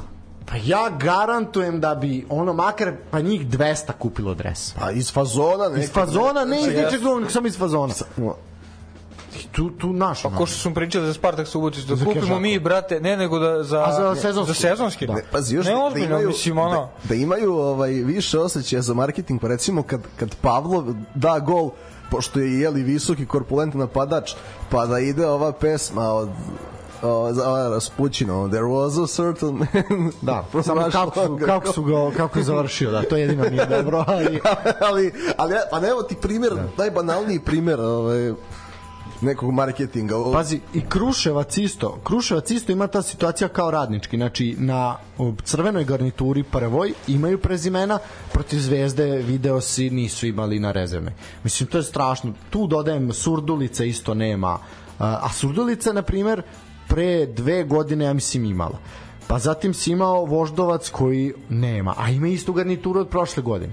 A, imao je ekstra rezultate prošle godine. Šteta, mislim zaista šteta. IMT. E sad, što se tiče IMT-a, tu moramo napomenuti. IMT je najavio otvaranje otvaranje svog šopa, što je vrlo, vrlo pohvalno i pogotovo što su to neki klinci koji tek treba da se predstave nama, na primjer kao i Voždovac, ovaj, da ih narod upamti, baš zato je ono bolje da imaju prezimena na dresovima. Uh, na onu listu kada pričamo sve o IMT-u i o marketingu, uh, IMT je izbacio sezonske, pošto će igrati utakmice na krovu tržnog centra, uh, 5000 dinara je uh, tribina, dok su one svečane, tako činje to se zove galerija, jel tamo, ovaj, to ona će biti 7000 dinara, što onako malo, malo jače, ali dobro, to je onako ipak, ipak malo, malo i kvalitetnije. Tako da što se tiče ovoga, da, mislim naveli su promocija, prodaja, mislim zaista ono identitet igrača kluba, ali dobro, možda će se malo u nekom narednom periodu o tome više misliti, ali zaista ono vizuelno. Imali smo stadion, sledeća utakmica je svakako Železničar Mladost. Lije kiša u Pančevu, tri puta se odlaže, te u šest, te u osam, te u pola devet, lila je kiša i u pola devet. Stadion je izgledao perfektno, teren je bio brutalno lep, znači na oko, moglo da se igra bez obzira što je lila kiša zaista kao iz kabla. Šteta ostaje što nije bilo dovoljno ljudi na tribinama, to jeste šteta ali jednostavno onom pljusku malo ko će zaista zaista ostati stajati, ali ne, vidi, ljudi su hteli, bilo je interesovanje ogromno, ali jednostavno onakav potop, onakva oluja ovaj, u tom delu Južnog Banata i Beograda zaista je bila, ipak je bilo ne, pa, nerealno očekivati da biti ima i do toga što su u ranijem ovaj, periodu i bivše države i ovaj post FRJ bili ljudi više okrenuti ka Dinamo iz Pančeva, ne železniču. Železniču je stvarno nova priča, ali prilično zdrava. Ne, ne. Oni su lepo krenuli, ali to je ono, znači... Ja verujem da bi znači, bilo više ljudi, samo da nije pada kiša, siguran sam. Bilo bi, Siguran sam. ali da hoćeš prvo kreneš da napraviš dobar teren, pa sve ostalo okolo. Oni su lepo krenuli od toga. Teren i igra i Ako može jedan železničar iz Pančeva, ja ne vidim zašto ne bi mogao Javor koji je stabilan superligaš i tako, svi mogu. Svi mogu. Ove, A, pitanje volje i jel se premeštamo na tu utakmicu? Da, onda? idemo na tu utakmicu, ovaj Železničar Mladost 0-2. Nažalost jeste istorijska utakmica bila, prošlom kolu su momci iz Pančeva pobedili, ovaj put ipak mnogo, mnogo iskusnija ekipa Lučana, gde je prosek godina bio skoro 32 godine. Ovaj, mislim, ako pogledate da imate Stamenkovića od 38, Mirića od 36, Tombasevića od 38, znači sve su to, ima tu i nešto klinaca, ali zaista jedna... Stare kuke, što bi se rekao. Ozbiljno stare kuke. Ne, vidi, oni, znači, ili stare kuke ili klinci od 16 godina, da. A moramo, a ne, ipak istorijski trenutak u pitanju za, ne, za apsolutno. stvarno pohvala.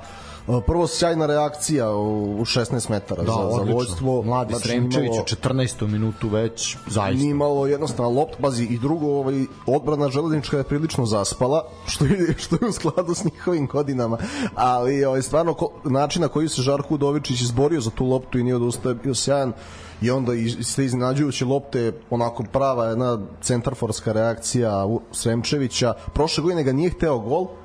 Sad ja nisam siguran je li mu ovo prvi start ali ovaj, generalno je ulazio više sa klupe. Da li je počeo neku utakmicu nisam siguran ali evo sve je dobio poverenje od starta sezone. Druga utakmica odmah gol i neka nastavi u dečku u istom ritmu. Jojić je već tu nije imao direkt učinak od golova ali igra dobro bez obzira na to što čeka transfer posvećen svom klubu i dalje Absolutno svaka čast na, ne, na profesionalizmu. I apsolutno ova iskusna ekipa je doprinela i Mirić i Stamenković i Basović sve sve vrhunski. A s druge strane napomenuo si ovaj drugu iskusnu ekipu, ovaj štoperski tandem, ovaj železničara iz Pančeva koji čine Marko Jovanović i Voja Stanković, ovaj što je. Ti ljudi su zajedno ušli u Ligu šampiona. Ti zajedno ti ljudi su da, to je rekao i komentator, ti ljudi su ono igrali u Briselu utakmicu kvalifikacije za Ligu šampiona gde su I Voja Stanković koji ispao na prekidu što je podsjetilo neki kasni period Partizana posle Lige šampiona, ali dobro. E, ono što je e, bitno, znači da pored tog nevremena zaista je stadion izgledao prelepo, e, ono što je jako bitno, znači uredna travnata podloga, sređene stolice, ofarbano sve, sve, sve, sve i to me podsjetilo na ono što sam video u Novom pazaru. Ne znam da li ste primetili u prethodnom kolu. Novi pazar, kao kad igrao kao domaćin, ok, sredili su stolice na istoku i na zapadu, a na severu gde je stajanje su iscrtali stolice. Znači, neće biti stolica, ali su one iscrtane i tebi deluje kao da ih ima jer je tako nacrtano i to je super. Jer vizuelno nije betončina nego su stolice i to vizuelno izgleda fantastično. Znači može da se sredi i može to da liče nešto. I može da se bude kreativan za malu par. Apsolutno, apsolutno šteta kažem što železničar nije imao veću podršku šteta što je bilo takav pljusak baš onako zaista zaista šteta ali ja verujem da ćemo ove sezone uživati u partijama železničara i da će nas onako biće tu iznenađenje što se tiče rezultata. E, treba reći da je su Lučani dobili još jednog iskusnog, iskusnog igrača, u pitanju je Donald Mols, koji je sporazumno prekinuo saradnju sa Kolubarom, koji je nastupao prethodnih šest meseci i potpisao ugovor sa mladosti iz Lučana, kameronski vezista, ima 24 godine, mislim realno ima 30, ali každa ima 24. Pre Kolubara je igrao u Banja Lučkom borcu, kao i u Hrvatskoj Kustošiji i Lokomotivi iz Zagreba. Uh, dobro, e, možemo na utakmicu na Marakani, uh, koja je isto odložena bila zbog nepovoljnih vremenskih uslova. Da bi ih isti sačekali sutradan. Da bi ih isti sačekali sutradan, istina. Sa subote na nedelju i onda ona poplava, ja mislim da je to ono Reels koji je obeležio ovaj vikend, da to su oni slapovi Marakane, ovaj zaista je pa ne zaista ono baš je baš je bilo baš je bilo jezivo. I naš dobri Vuh koji nije ipak dočekao peti gol. Da, da. blizu je bilo ali ovaj s obzirom da se na vreme krenulo ovaj da, mogu još jedan penal da mogu još jedan zaista. Uh, pa nema šta, šta reći, još jedna rutinska pobeda, zaista dominacija, Uh, jesu možda malo bili bolji u drugom polovremenu momci iz Kruševca, ali imali bilo je tu neki kao i pokušaja, ali nisu stigli do gola. Moje pitanje je kad će Zvezda primiti gol u Superligi Srbije? E, nikad. Nikad. Ove Šali se, ne znam. Ovaj... U derbiju 27. septembra. Pa to je jedina šansa. E, vidjet ćemo. Da. Mislim da je ovo 114. meč sad već bez poraza. Mislim. Čekaj, ti pratiš zvezdinu statistiku? Negde sam to pročitao. Mislim da je 140. aha, ja rekao da Od ti ne vodiš. Ne, ne, ne, ne, a ko će to, mislim, broj, baš brojim toliko, ali pročitao sam, mislim da je ovo 114. meč bez poraza, po zadnji poraz je upravo u derbiju 2000, 2017. godine bio. A misliš na dom, domaći teren? E, Na domaćem terenu, da, da. U, u ligi, Fino, da, fino. da, bilo je, da. posle je bilo poraza u gostima, ali domaći... Ali u ligi, da. Ja bih zamolio ako Od, može... pa ne, od onih ar- je 1-3 Marko Nikolić, to je, To je mislim to. da nema. Pa ne, to je to. arbitre Ne, bilo u ligi koji nisu, ajde sad, dobri, nisu dobri, nije važno, ali realno, da ono što su nam svirali penale ove godine, realno ne moraju. Meni, znaš kako bi bilo cool da vidimo ono neki baš penalično i sudija kao namerno. A i nije važno je li 0-0 ili 5-0, zašto će biti 5-0? Ili 3-0, ili 2-0. Pa, Baš bi volio je- da nam ne sviraju neke A dobro, penale. ovo je, vidi, ovo je- ovo je stvarno, Ne, ovo ja lično kao navijač Dobro, kažem. baš bi volio, baš bi bilo Dobro, cool. Đeković je stvarno bio neoprezan. ne, apsolutno. To sad ovaj... Ne možeš, na, posebno u drugom minutu, znači svež si, nije ti pala koncentracija Da tako krvnički. da glavni ono, prospekt napretka onako baš Ne, Ne, glupove situacije, u drugom minutu praviš penal. Neverovatno, da. Ali onda naš, sad neko ko nije gledao utakmicu i ko nije vidio šta je ovaj uradio, će reći, ha, evo, odmah Zvezda, pen, da, zvezdi, da. odmah penal. Za svaki slučaj, kao da osiguraju da... da... Znaš, ali to je, to je problem, razumeš, to je problem. Problem je, mislim, malo je... Brate, govorimo mi to zvezdaši, a ne drugi da govore. A ne, ali, znaš, napravi se problem u javnosti, dolazi Jeste. do... A Ne, ja, ja sam rekao, Atmosfere rekli smo, da. nije isto, nije isto penal u prvom kolu i ovo penal ovaj sad. Ovaj sad ne može Ne, ne. čisti da bude, mislim, Da, dečko, mislim, apsolutno dečko nije. gledao loptu, apsolutno. Ovaj, ali naš, ali problem je što sad tu masa ljudi nije gledala utakmicu i kad pročita otvori rezultate, otvori, otvori E. sofa skor ili nešto će reći, a evo i odmah su im dali penal. Ljudi gledajte utakmice, to je uvek naša gledati, poruka, znači iz- te, ovaj, to je to vam je par rilova manje pogledajte ono bar na mahove da bar ključne događaje ne vidi, znaš šta, utakmice Superlige Srbije se zaista mogu gledati bez pune pažnje, većina njih. I apsolutno možete raditi bilo šta drugo i da vam to radi u pozadini da se povremeno bacite, bacite oko. Mislim, naravno, ima utakmica koje su poput ove koja je zatvorila kolo, koja je zaista držala pažnju svaki minut, ali u suštini ono, ili ako već ne gledate, onda nemojte srati. Eto, to je najiskreniji savjet. Znaš, a to me najviše nervira. Isto, isto jedna stvar Stanislav 21. vek. je isto jako, jako stvar koja me iznervirala. Priča o rezerv, to sad kako prilazimo jel, u ovaj, ovom delu, mislim ovo zvezdi ja nemam šta da kažem, ovo je apsolutno, treba reći da je Mijailović igrao na štoperu.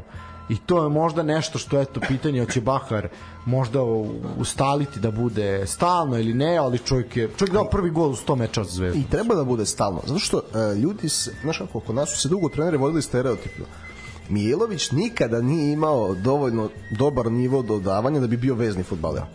To evo i Vule ga se seća iz onog prvog mandata i kao mlad. On je uvek bio borben, dovoljno brz, energičan, ali uvek dobro branio dubinu i ti sad vidiš on na štoperu dovoljno brz, posebno što su ostali štoperi zvezde. Kako da ne, pazi, pravi razliku. Osim, Malo je štopera, osim Lekovića hitrih. da ne, ili su stariji ili izlaze iz povreda kao Spajić i sad sa Mijailovićem koji čiji brani dubinu na taj način u Evropi to je izuzetno velika prednost zvezda Kako ne? Ja bi ga predstavio nego Degenek. bez dileme Ba, Znači, ne birniš Degenek je tempirana bomba uvek. To je ono, mislim, zaista može na svaku stranu se odbiti. Ali sad pazi par. Uh, Dragović, naprijed, a sad to je dobro, ok, ja ću igrati sa dva štopera ili sa tri, ovaj, ali pazi, Dragović i Mijailović u paru štoperskom, to je mnogo ozbiljnija priča nego Dragović i Da, mislim Degenek. da je evidentno da će ostati sa tri Ok, ajde, neka bude, da, da, opcije viš da i Rodića koristi da. Da. da više ne može da bude Ali svakako taj, taj par sa Dragovićem mnogo bolje deluje Mijailović i Dragović nego Degenek i Dragović. Evo, To je... Još pazi, imaš tog Lekovića, stvarno mladog, to je sad odlična situacija. Da. Seti se, ali da se setimo pre godinu i po dana kada je Partizan bio na plus 5 E, I setimo se da je Deki Stanković je samo hteo da se reši Degenek, a on, to, on te zime nije nikog doveo, ali na proleće odigrao dobro, dobio jel derbi 2-0, drugi nije izgubio uzeo titulu i pobedio u finalu kupa. Samo što tarasio Degeneka i na terenu i u slačionici. Da. A sa Borjanom je jel možda i morao da se da se pomiri. Ali seti šta mu je pa one dve utakmice sa Surdulicom što su izgubili bodove obe Degenek. Evropa te godine šta je bilo Micheland uh, podsjeti me gde su kiksali pre toga, pa i u Ligi šampiona, Degenek. Sve apsolutno Degenek. Znači, kako ume da u svakom smislu kanal i ekipu to je umetnost. A onda ona pobeda za Ligu šampiona, Degene. Dobro, ba, vidi. Zna on, Ne, ne, zna. vidi, Ne, ne, bilo je i ovoga i onoga, ali kad pričamo o tome, Zna on, ali da to dolaženje po složit ćeš se da zna, da zna Ne, ne, da u kanali, apsolutno. Ima, ima dve strane. O, da, pitanje na koju će uz nogu A ustati. vidi, pa pazi, i Sveta Marković ti zaključao odbranu u Kelmu, pa onda pusti četiri, mislim ne pusti, nego Ali četiri, četiri kola kola gato. gato, Znaš, to, ta, to su ti tipovi defanzivaca i to se, nažalost, ni sa godinama i iskustvom ne menja. Ne, apsolutno. Tako da, Mičku Mijailoviću pohvale, Da, ono što sam uh, krenuo da kažem, pa smo prešli ovo, ovo što se tiče Mijailovića, ja apsolutno bih probao sa njim. Mislim da tu nema šta se izgubi, ali dobro.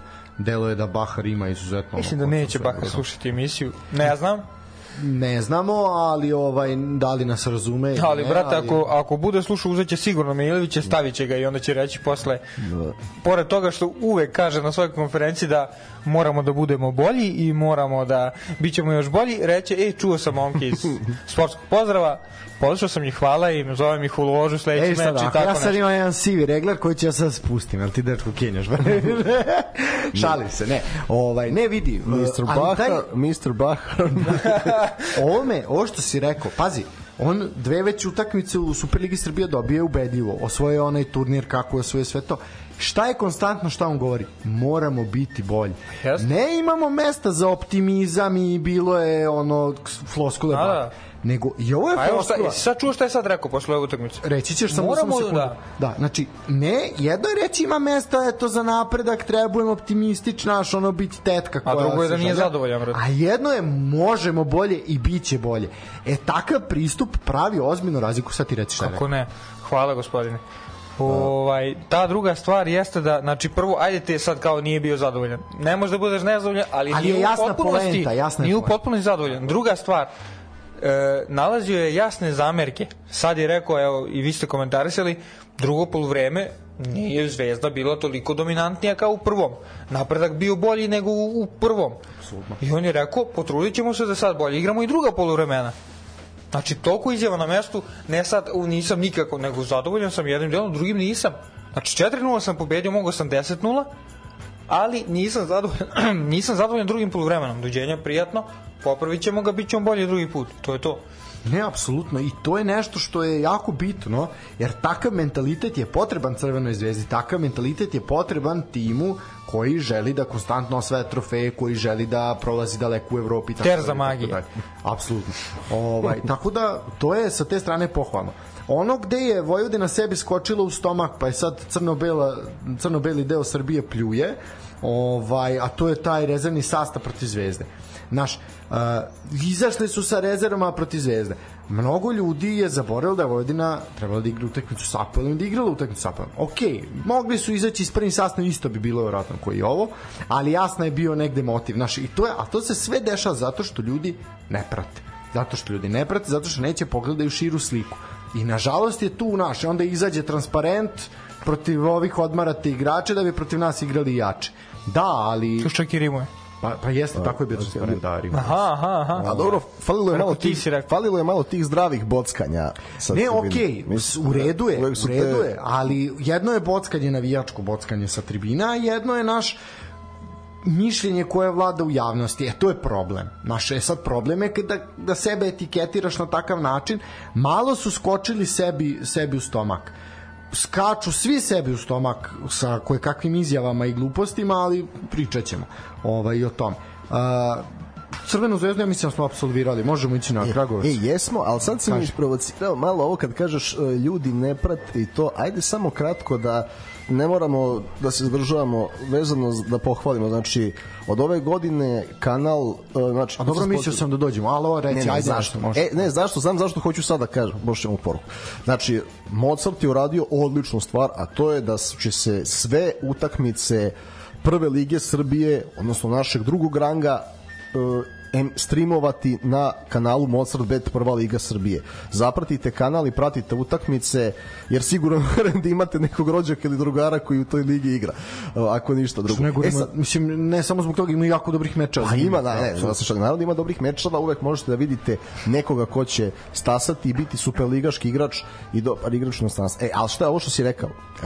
E, ja sam sad baš, kad je, kad je izašla vest, šalju mi ljudi, ja bože, ko će to da gleda? Ali to je ona prva reakcija.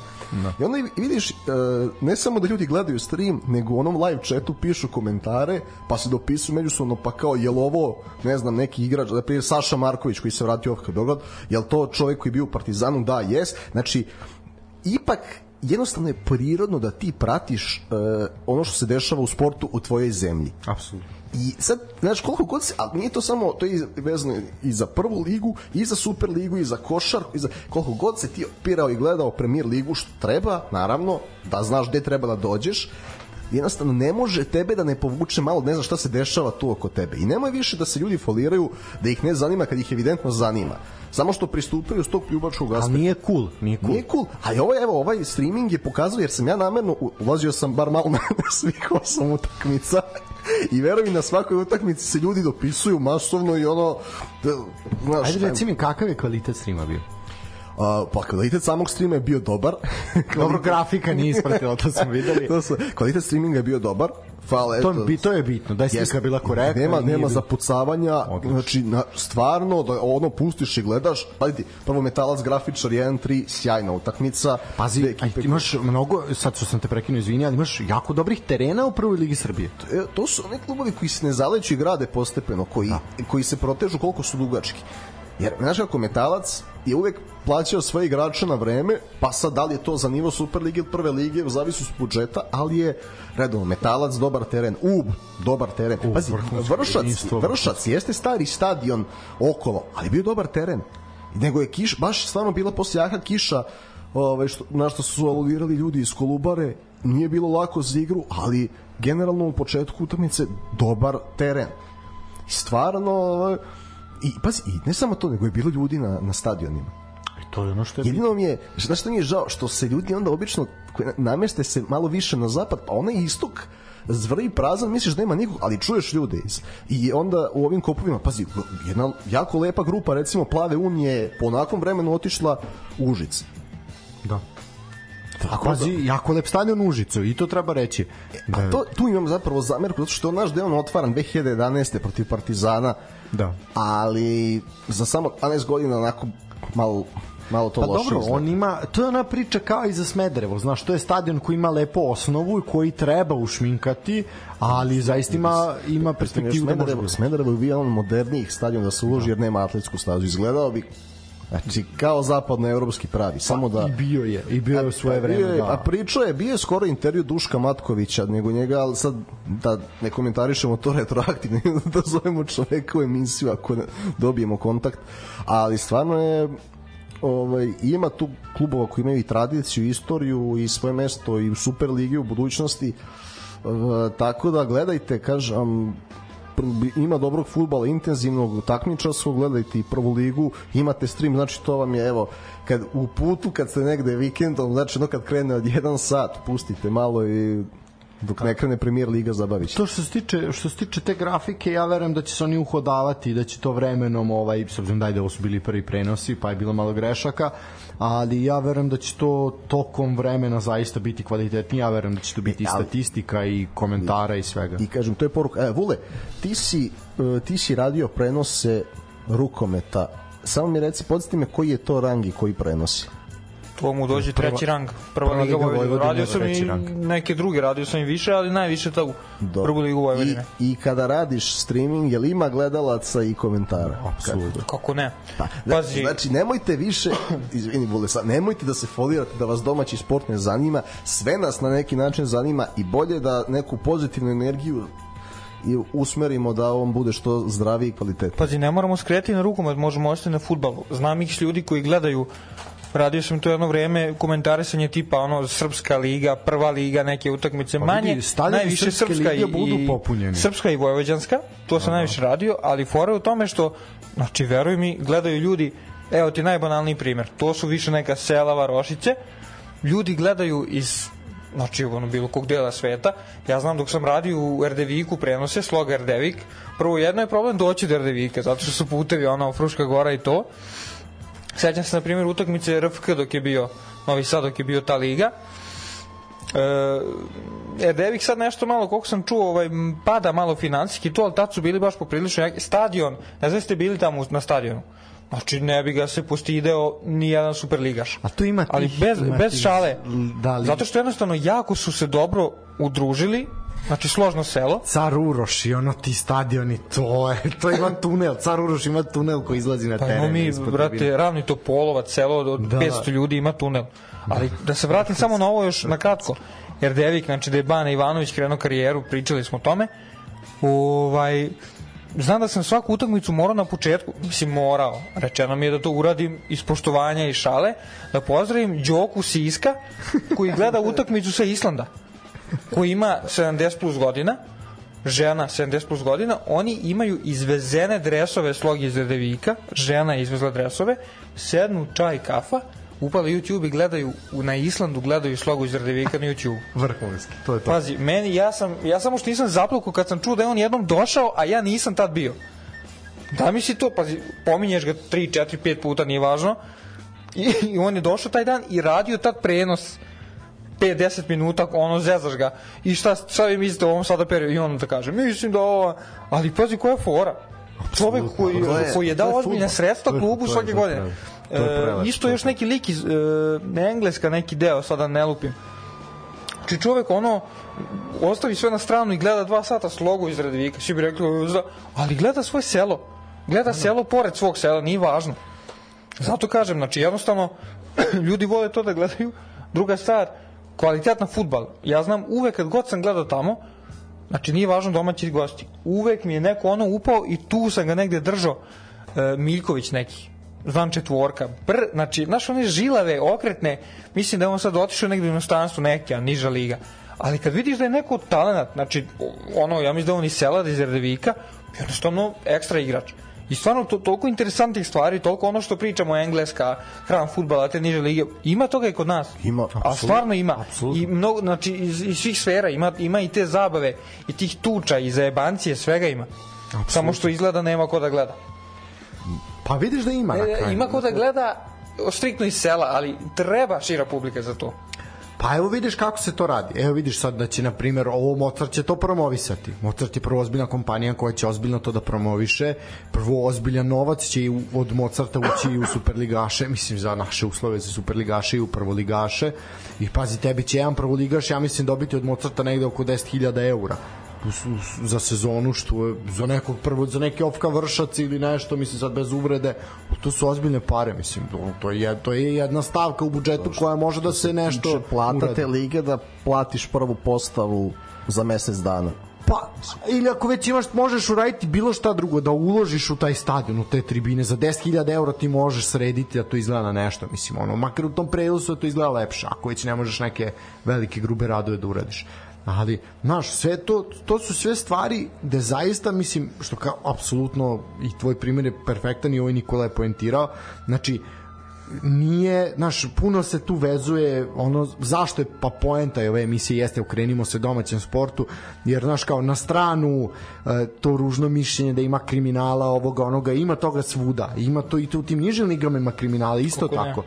Ali ima i tekako pozitivnih stvari i treba pričati o njima. Nije sve, nije sve loše i propalo. Evo, evo imamo konekciju iz 1956. godine domaći sport protiv stranog kriminala. Znači, lično Santiago Bernabeu, predsednik Real Madrida, po kojem se zove stadion, je dao izjavu da nisam porazgovarao sa sudijom, Partizan bi bio prvi prvak Evrope.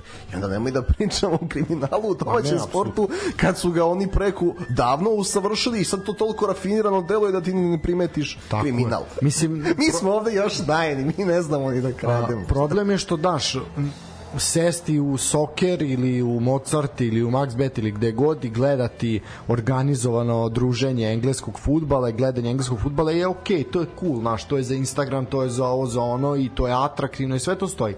Ali ja verujem da se isto tako nešto organizuje za našu ligu, da bi ljudi došli i gledali. I nikom ne ne? bi bila lobanja otvorena. Znači, bilo bi, gledalo bi se i bilo bi dobro za jebanci isto ko što i ovo. A, radnički Kragujevac. Kad smo kod lokal patriotizma, idemo na Kragujevac. To je to, selo je kao jedan Da, kroz da, jedan. to, a nema šta, moramo, ovaj, moramo, šta, najgore što moramo zbog kupeka da ubrzamo. Da, da. A, pa dobro, imamo još dve utakmice, tri. A, Radnički Kragujevac, Čukarički. A, 2-1 za Čuku. Uh, ponovo Docić, ponovo Docić, ovaj prvu 57 minutu je postigao pogodak, uh, zatim je nakon onako jedne pa jedne blede reakcije ovaj odbrane Činedu je izjednačena 1-1 i zatim Tošić onako jednim se čak reći je i efikasnim pogodkom ovaj Prečko, onako, reci, o, Da. Tošić imao sreću koju Zorić nije imao.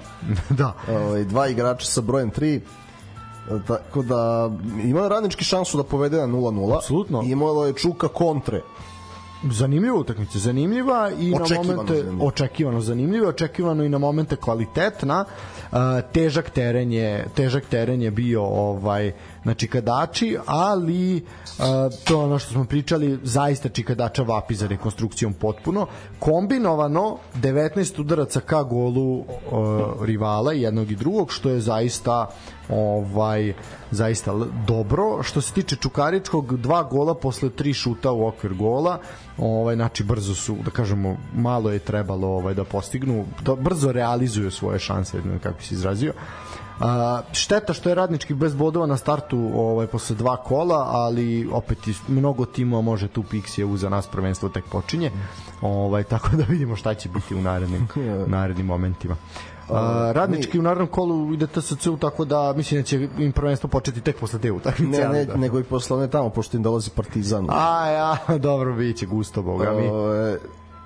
Što naravno ne mora ja radnički isuviš o, o, toga pokazao posle godinu i po dana to da radnički može da kida bodove a za Čukarički veoma važna pobeda njima je ovaj avgust esencija jer kad krene sad ovaj play-off Biće koje god takmičenje igrali to je osam evropskih utakmica minimum i nisu oni navikli na taj tempo znaš oni su ipak To može biti problema ozbiljno. Znaš, kad je tu je ponekad kup, oni su navikli da spremaju utakmice 7 dana i, na, i tu su sjajni. Tako da i njima je ovo što su izvukli sada teško gostovanje, ovaj, nakon što se radnički vratio u utakmicu imao šansu i da okrene onako baš esencijalna pobeda u borbi za plasman u ligi.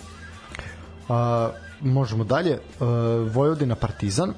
A, pa slična Vojvodina kao protiv Apoela, ajde sad nećemo toliko o Vojvodini jer smo nju absolvirali. U suštini zaslužena pobeda Partizana jeste Vojvodina onako u jednom pr momentima prvog poluvremena bila malo bolji možda rival, malo konkretnija, a, ali definitivno su razočarali svoje navijače. A, samo jedan udarac u okvir gola i ono jedna, kažem, neka prava šansa. Partizan nije da kažeš bio nešto za klasu bolji, ali je bio borben, borbeniji, sigur, sigurniji, konkretniji, delovali su organizovani, da to sve ima mnogo više smisla, da imaju različite opcije, da nije opcija samo jedna, poput El Vojvodini Čumića. Bilo Partizanu Ricarda prošle Da, godine. naravno. Ovaj, ali ovaj put to zaista onako deluje raznovrsnije i na kraju su došli eto do prve pobede, ovaj apsolutno zaslužene. Uh, Saldanja je u 47. minutu se sjajno snašao na fantastičan pas Natha, onako dobra reakcija, uh, nelogična reakcija Carevića tu po meni, mislim da kad imaš 2 metra i više od 2 metra da se to, to rešava nogama, a ne rukama, ali ajde. Ovaj još jedan put je pokazao problem i nesigurnost. Ovaj, mislim da, da nije očekivao Da će ovaj stići da, do lopte. Ne, ne, da Saldanja tako podvali loptu baš tu. Mislim da je očekivao loptu koja ide gore. Znaš šta tu, malo je tu sad delovalo, meni deluje kao da se Saldanja okliznuo. Meni deluje da on to baš nije možda tako ni hteo, ali se okliznuo i, i tako je naš podvalio je. Možda to i nije Ne, htelo. Ovaj gol je sličan onom Nathovom e, u onom derbiju u kupu 2020. Da, da, ono kada da. isto Borjan nije, niti je Natho tu verujem hteo da gađa, niti je Borjan očekivao. Da će tako šutnuti, dalje je, prošlo. meni liči na to. A, što se tiče drugog gola, Quincy Manning, mislim, meni je to klasičan Quincy Manning. Bukvalno uzeo je loptu, povukao je ka sredini še- 16 metara, plasirao. Kao i njegov pre, ovaj, imenjak Promes ovaj, u Spartaku. Tako da, Definitivno je... ali nije mi dobro igrao Quincy. Nije, gola, apsolutno nije. Da nije dao gol, bio bi onako možda čak i možda i od slabijih. Uh, ono što treba napomenuti da tu je bila zaista su tu kasnili igrači Vojvodine nikoga nije pokrio čovek je video gde da čovek je plasirao loptu na pravo mesto jedino mesto gde je mogao da, da to uradi i apsolutno prevario Carevića. Mislim vrhunski šut to nije bilo jako ali je to bilo ekstremno precizno. Uh, što se tiče Partizana treba napomenuti da je debitovao Aranđel Stojković. Uh, debitovao je Jovanović na golu. Jovanović. da koji je m, po meni jedina prednost, ovo bar što sam vidio u ovom prvom meču, jedina prednost u odnosu na Nemanju Stevanovića je visina. Ovaj, delo je da je malo sigurniji. Ja u po, pa, Mnogo, mnogo je sigurno. uf, boga mi, on ba nije nešto posebno. Ajde vidimo, daj mu malo vremena. Skinuo je, pa, ali gledaj, A dobro, nije bilo- vidi, ima jedna razlika u odnosu i na Stevanovića i na Popovića, koja se odmah vidi, Dobro, to je što, Popović je, da. to je što Aleksandar Jovanović mnogo više komunicira. I navikao je da bude i lider i kapitan u svojim ekipama e, gde je igrao. Znaš, Ja tu... I pogledaj kako gađa Antića u trepavicu Ne, nogom. to okej. To- To što se tiče toga, to je u redu, ali po meni uh, bojim se da ajde nek, mislim da okej, nije imao puno posla protiv Vojvodine, ono što je trebao je odradio, e sad vidjet ćemo kad bude malo, kad bude malo više na, na testu i kad bude morao malo više da, da radi. Ovo za sad je bilo, bilo korektno i po meni velika prednost je visina koja mislim Ne, je videlo se, videlo se i na pripremama ovo što je što je branio. apsolutno, ali opet priprema. E, ima i Carević visinu. bre. Carević ima i previše visine izgleda. To je problem. ovaj, Da. Ne, ne, ja mislim baš ovaj to je Ima trans, visinu koju Stevanović nema, to se tako kaže. to je transfer koji je trebalo mnogo ranije da se Apsolutno. desi. Aleksandar Jovanović i Partizan, kao i Aranđel Stojković i Partizan. Nekako Apsolutno. Bilo je baš baš perioda gde hvali takav golman i takav desni bek. Ali eto neka bude da da nikad nije kasno, ali ono što je što je evidentno, evidentno je druga energija oko Partizana. I sad tu dolazimo do nečega e, recimo Vojvodina je bila peta, Partizan četvrti. I to nije pohvalno ni za jedne, ni, za za druge. druge, da. Partizan je rešio da promeni skoro sve da uđe u novu sezonu, da se to ne ponovi. Vojvodina je veoma malo promenila. Znači Partizan je, osim što je promenio koliko je stiglo, devet igrača, promenio je ljude koji se bave društvenim mrežama i sad šta se desi? Desi se da recimo mlađi To moramo da generacije- pohvalimo što se tiče društvenih mreža. To se zaista, zaista ozbiljan iskorak. ti kakvi klipovi, ilovi, znači i mene sad, šta se desi? Desi se da onda recimo mlađe generacije meni nisu slale ovoliko poruka za utakmicu Partizana od utakmici s Manchester United. Da. Jednostavno, znači, kada, kad se vide neki novi, zanimljivi profili igrača, nešto što pre nisi imao, kad vidiš Kanutea, Saldanju, Severinu, Belićevu energiju, a to posebno koliko je taj dečko kritikovan kad je došao, ispolo je da Elija Stolica to najviše pogodio, a napali su dečka da je došao zbog agencije koja ga zastupa i zato što mu je tate igrao s Ilijom Stolicu, što je bilo stravno. Ispostavilo se da on mnogo napredovao i da sad ima mnogo više samopouzdanja i dodavanjima, da nije samo trkač. I sad, šta, znači, kompletno nova energija, teren, društvene mreže, omladina, šal, bum, ovaj, pun stadion navijača Partizana. Na tri Apsolutno. tribine. Pritom ta južna je bila ispunjena ne samo južna nego onaj deo do zapada, to skoro nije viđeno. Ovaj da onoliko ljudi ima ima. Obično taj jug bude kod semafora, onaj, ali Samo taj deo sa- kavez, sad da. Vidiš, samo ljudi dolaze, dolaze, dolaze, ulaze na stadion. E sad, uh, da, jeste i za, zaista energija i sve to vrhunski bilo, ali sad evo narednog vikenda je utakmica gde je Partizan domaćin. Znači imali smo dve fantastična gostovanja gde sve uh, sad bi zaista porazno bilo da bude prazan stadion. a neće biti. Ne može, jer se ljudi koji po prirodi idu, koji su sad bili i na zapadu i na istoku, koji su s bočnih tribina i jedna, oni žele ovo da gledaju. Oni veruju Igora dolje. On je nekim poštenim odnosom mislim, samo su se podsjetili kako je igrao tako sada nastup. Ja sam mislio što dušo da važi i za Bataka. Mislio sam da će sebe da uvedu u nekim momentima na teren koliko su energični jedan i drugi. I to kod Ulja imaš jednostavno nije ni malo teatralno. Znači, on se imao si ti trenere neke koji se onako grle s igračima prilikom izmena za kamere. Ne, kod njega je to spontano u zavisnosti od toga šta se dešava na terenu kad igraš. Za nekog zagrali manje, nekog više, sve ih pozdravi, pa onda i navijače, znaš, imaš trenere koji se mnogo busaju pred navijačima, a imaš one koji kao šetaju pa se foliraju. Ne, onako suptilno pozdravi, ajmo jako, aj, ja, jednostavno je čovjek normalan. I to je deo navijača vratilo i mislim da će ih biti i na bočnim tribinama. Sad, ne, neće to biti enormna cifra, ali Zapad i Istok će pružiti podršku. Jer različiti profili ljudi, neko hoće da dođe, na primjer, pošto Jug navodno neće dolaziti, neko hoće da skandira nešto što Jug inače ne skandira, pa će zato nije mu mnogo ni 18.000 za sezonsku ili 12 ako ima članstvo. Neko će doći i gleda dobar 11, fudbal. 11. Pa dobro, 11 plus 1000 za članstvo. Pa dobro, to je članska je trebala biti u prošloj sezoni E, kupljena, to, da, pa to, to samo, samo mi neki. ovaj, Ali, hoće da kaže, neko hoće da gleda dobar futbol. Neko voli Igora Dulja kao igrača. Ja, ja vidim i, kaže, toliko... Zidan ga ne voli. Zidane, a ni Ronaldo. I, ni Deko, ali doći, ćemo, doći će Igor Dulje da priča zašto ga Deko ne voli. Ali, hoću da kažem da e, Partizan ipak ima navijače koji su možda malo zaboravili ovaj fudbalski klub, ali se sada vraći, ne možeš ti to da zaustaviš tek tako. Sad, posebno što taj jug nema kredibilitet kod navijača s bočnih tribina i stalno su tu neke bile prozivke prisutne godinama, tako da mislim da ljudi koji su rešili da idu da ovo gledaju i podržaju ovaj tim da će na zapad i istok doći. Ja se nadam, ja se zaista nadam jer zaista bi bilo onako bio bi hladan tuš, znaš da to sve, a vidi se i koliko igračima znači. I koliko duljaju znači. Apsolutno, mislim, naravno. E, čak mi je to bilo malo onako i da se čovjek da kaže ovaj, šta god skandirali dođite onako da malo je poražavajuće bilo u prvom momentu ali on je promenio ploču sada kada vidi da da ljudi hoće sad je čak poz- pozvao upravu da ta Evo, to, eto vidiš, šta, ja bih vrlo kratko to prokomentarisao, pošto ono, teče nam vreme. Uh, ja mislim da mu ta izjava baš nije pametna. Uh, jer se bojim da to može biti shvaćeno kao nešto protiv uprave i mislim da tu nije trebalo se pača, ali ajde. Mislim, jasno mi je da je to iz želje da, znaš, šta je pisac teo da kaže? Jasno je da je to iz želje da dođe što više ljudi da ovo do ono, uh, ali ja mislim da prvo ne treba da bude besplatan ulaz, ne. to nije dobro. klub mora da ceni sebe pričali smo Klub mora ceni sebe, moraju da postoje sezonske, mora da postoji prioritet ljudima koji kupuju sezonske, koji su višegodišnji nosioci sezonske, koji su članovi kluba, to sve mora da se mora postoji razlika. Ta priča vratit ćemo vam pare, a da ovi, mislim, to ne pije vodu.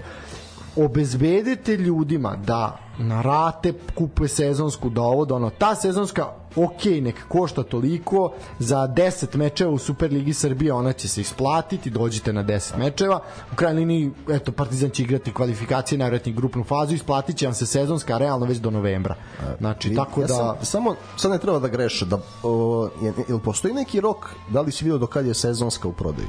Uh, mislim da to u suštini nema. Ti možeš kupiti sezonsku tipa do ono Jel može da se kupi sezonska posle eventualnog meča sa Steaulom ili Novca, Da, ja, ulazka u da, do sad je E, uvek sad- mogla. E, pa to, znači, oni samo treba da ostave sezonsku prodaju dok se uđu grupe i onda će ljudi, verujem, hteti da je kupuju. I to je, ali to je, znaš, mm, to je više i taj revolt da ne bude, kako ti objasnim, ima toga i u futbolu i u košarci.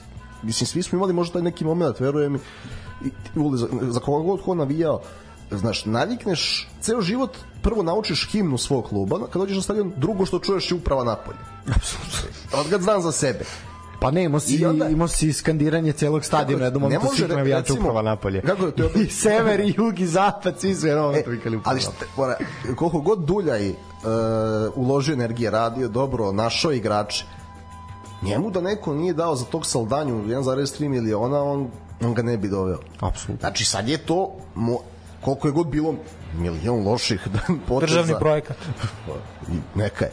I, nek sve budu državni projekti. Tako je. i ovaj država da uradi nešto.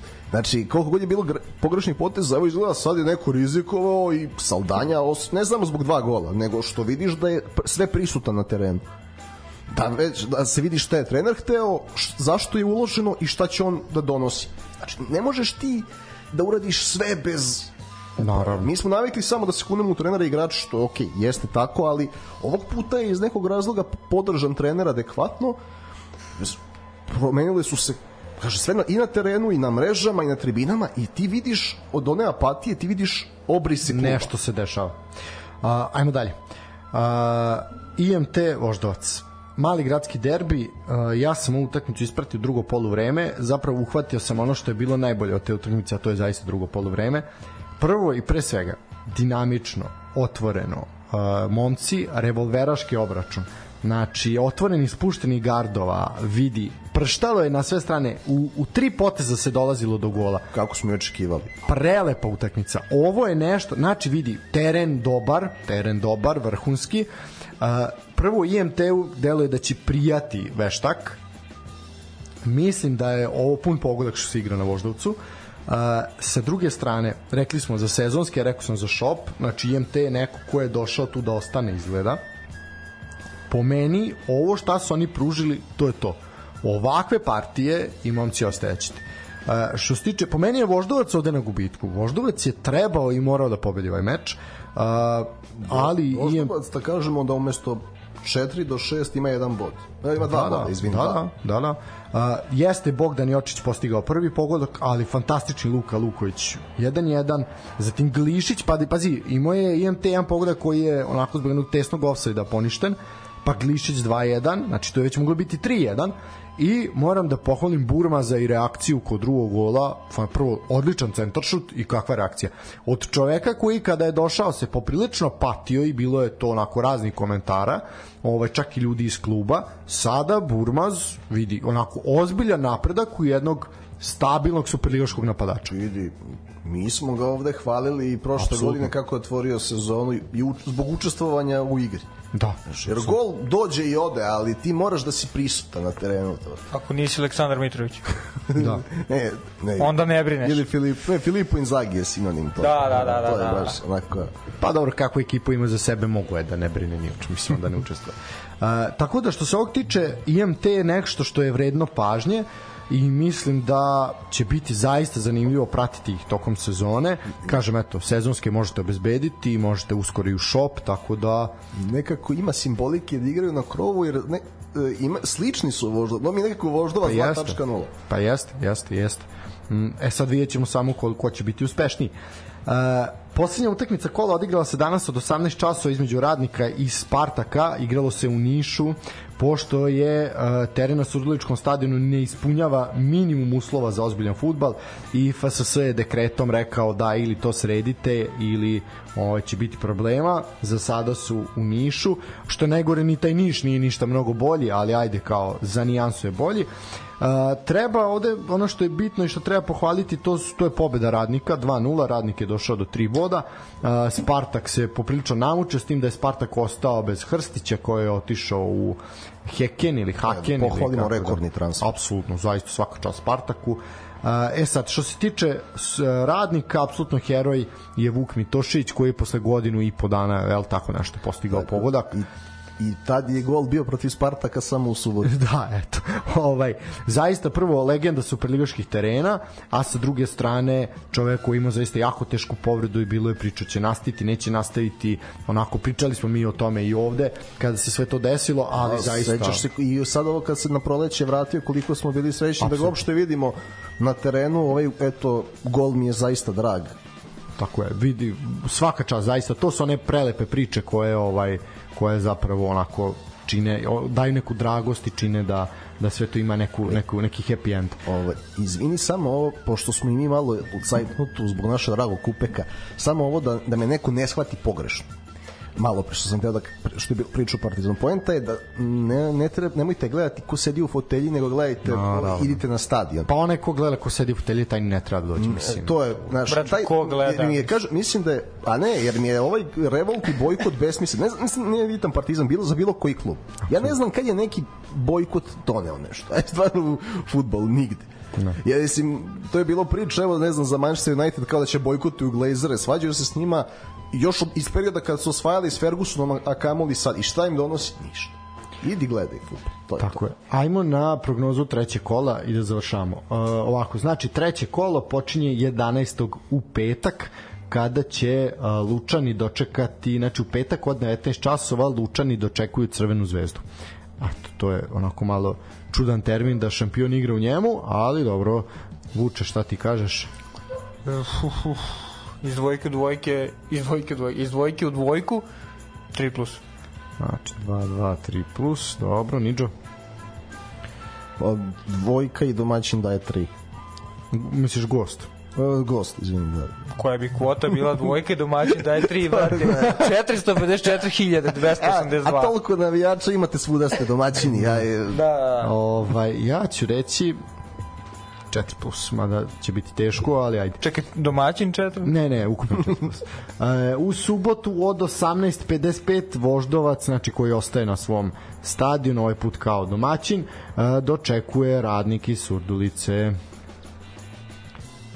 e, sa, Ja ću reći gol, gol. e, meni je ovo 0 do 2. Dobro. Dvojka.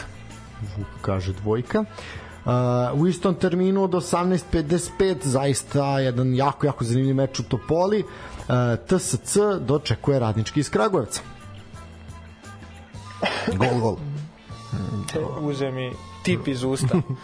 E, može gogo. Prepisivanje, ajde, prepisivači na gol, gol. Ja ću reći 3 plus. Ajde, budemo baš ne budemo sva trojici da ne, pu, ne puknemo ni isto. Uh, od 21 čas subota, pazi, ozbiljno dobar termin, uh, Čukarički javor. Ja ću isto reći 3 plus. Pa kec mi je to. Kec, domaćin, 2 plus. Znao sam što sam čekao ko će reći sam tri plus. A, u nedelju od 18.55 u Kruševcu napredak dočekuje Vojvodinu O, o, baš posle četiri utakme, baš Vojvodina mora da pobedi, a ja ću nije reći jednostavno. Kecix Mora, mora, ja ću reći Kec. ne vidi vidjet ćeš ja mislim da je ovo kraj za Bata da se, da se ne ljubimo Ja ću reći 0 do 2. A, to će biti sigurno Koja je kvota kao Kec i Batak dobio otkaz? U- slobodna igra Znaš, u... slobodna igra, da, komplet. misliš da pa možemo pišem Batak da bi otkaz Pa, brate. do sledeće emisije Brate. Da, da, da, kao naš, ne, dok ne počne. Al, a, inače, lepi gest bio Dulja na kraju konferencije. E, što jeste, mu je podrška, podrška kolegi, da. Bataku, zato što je Batak i pružio podršku Dulju kad je došao u haos i Dulj uzvrati. I nije samo rešenje smeniti trenera, to je isto poruka. pa nije ali vidjet ćeš da će se desiti Pa dobro, znam. Pa kod nas ali- kod da jeste, brate, Da, kako ih ali- menjaju, kod nas Pa, kao da kažu Mora smeni biti prva trenera. Batak će biti prvi koji leti iz Superlige ove godine. Dobro, ako- Mo- Mora jedan u prva dva kola, da on probije premijer- led. Premijer Liga daje ozbiljne kvote na prvog smenjenog trenera, ono to je ozbiljan tip tamo u Engleskoj. Tako da što ne bismo mi to uveli. Apsolutno, znači Batak otkaz. Ajde. Uh, 19.30 nedelja Partizan Radnički Niš. Mm, Kec i domaćin daje 3. Daj 3. Ni, ni jedan ni drugi radnički Ja nisu imali sreće. domaćin rasporedom. 2 plus. Gogo. Gol, gol, dobro. A, Spartak, od 21 čas u nedelju Spartak Subotica Železničar Pačevo. U, lep vojvođanski derbi za kraj kola, ležerno. Banat na Bačku. Oj, šta bi smo tu mogli? Ja ću reći, ovo je de- derbi, rusko-ukrajinski derbi u Subotici. Gol, gol. 2 do 3 gol. Mislim da će biti gol. Samo ne bude neko kijamet. Dvojka. Opa, dobro. I u ponedeljak od 18 časa nešto što ćemo ispratiti u emisiji Novi Pazar IMT. Dvojka. Dobro, kaže dvojka. Niđo? Šta bi to? Pa to mi je po golu oba poluvremena nekako. 1 plus, 1 plus. Ja ću reći od 1 do 3 ukupno. A, dobro, to je u suštini to što se tiče prognoza. A, ja ću vam reći ovako kao teaser za kraj a, da ćete dobiti izveštaj najvjerojatnije u subotu iz jedne utakmice u inostranstvu. Tako da tipujem a, utakmicu. Sad ovo naš ovo dok bude o fade out ide ovaj, dok budem spuštao reglere i pozdravljava za laku noć željezničar borac Keci domaćin daje 2 plus. Vidimo se. Opa! Laku noć, čujemo se naravno ponedjeljka, uživajte.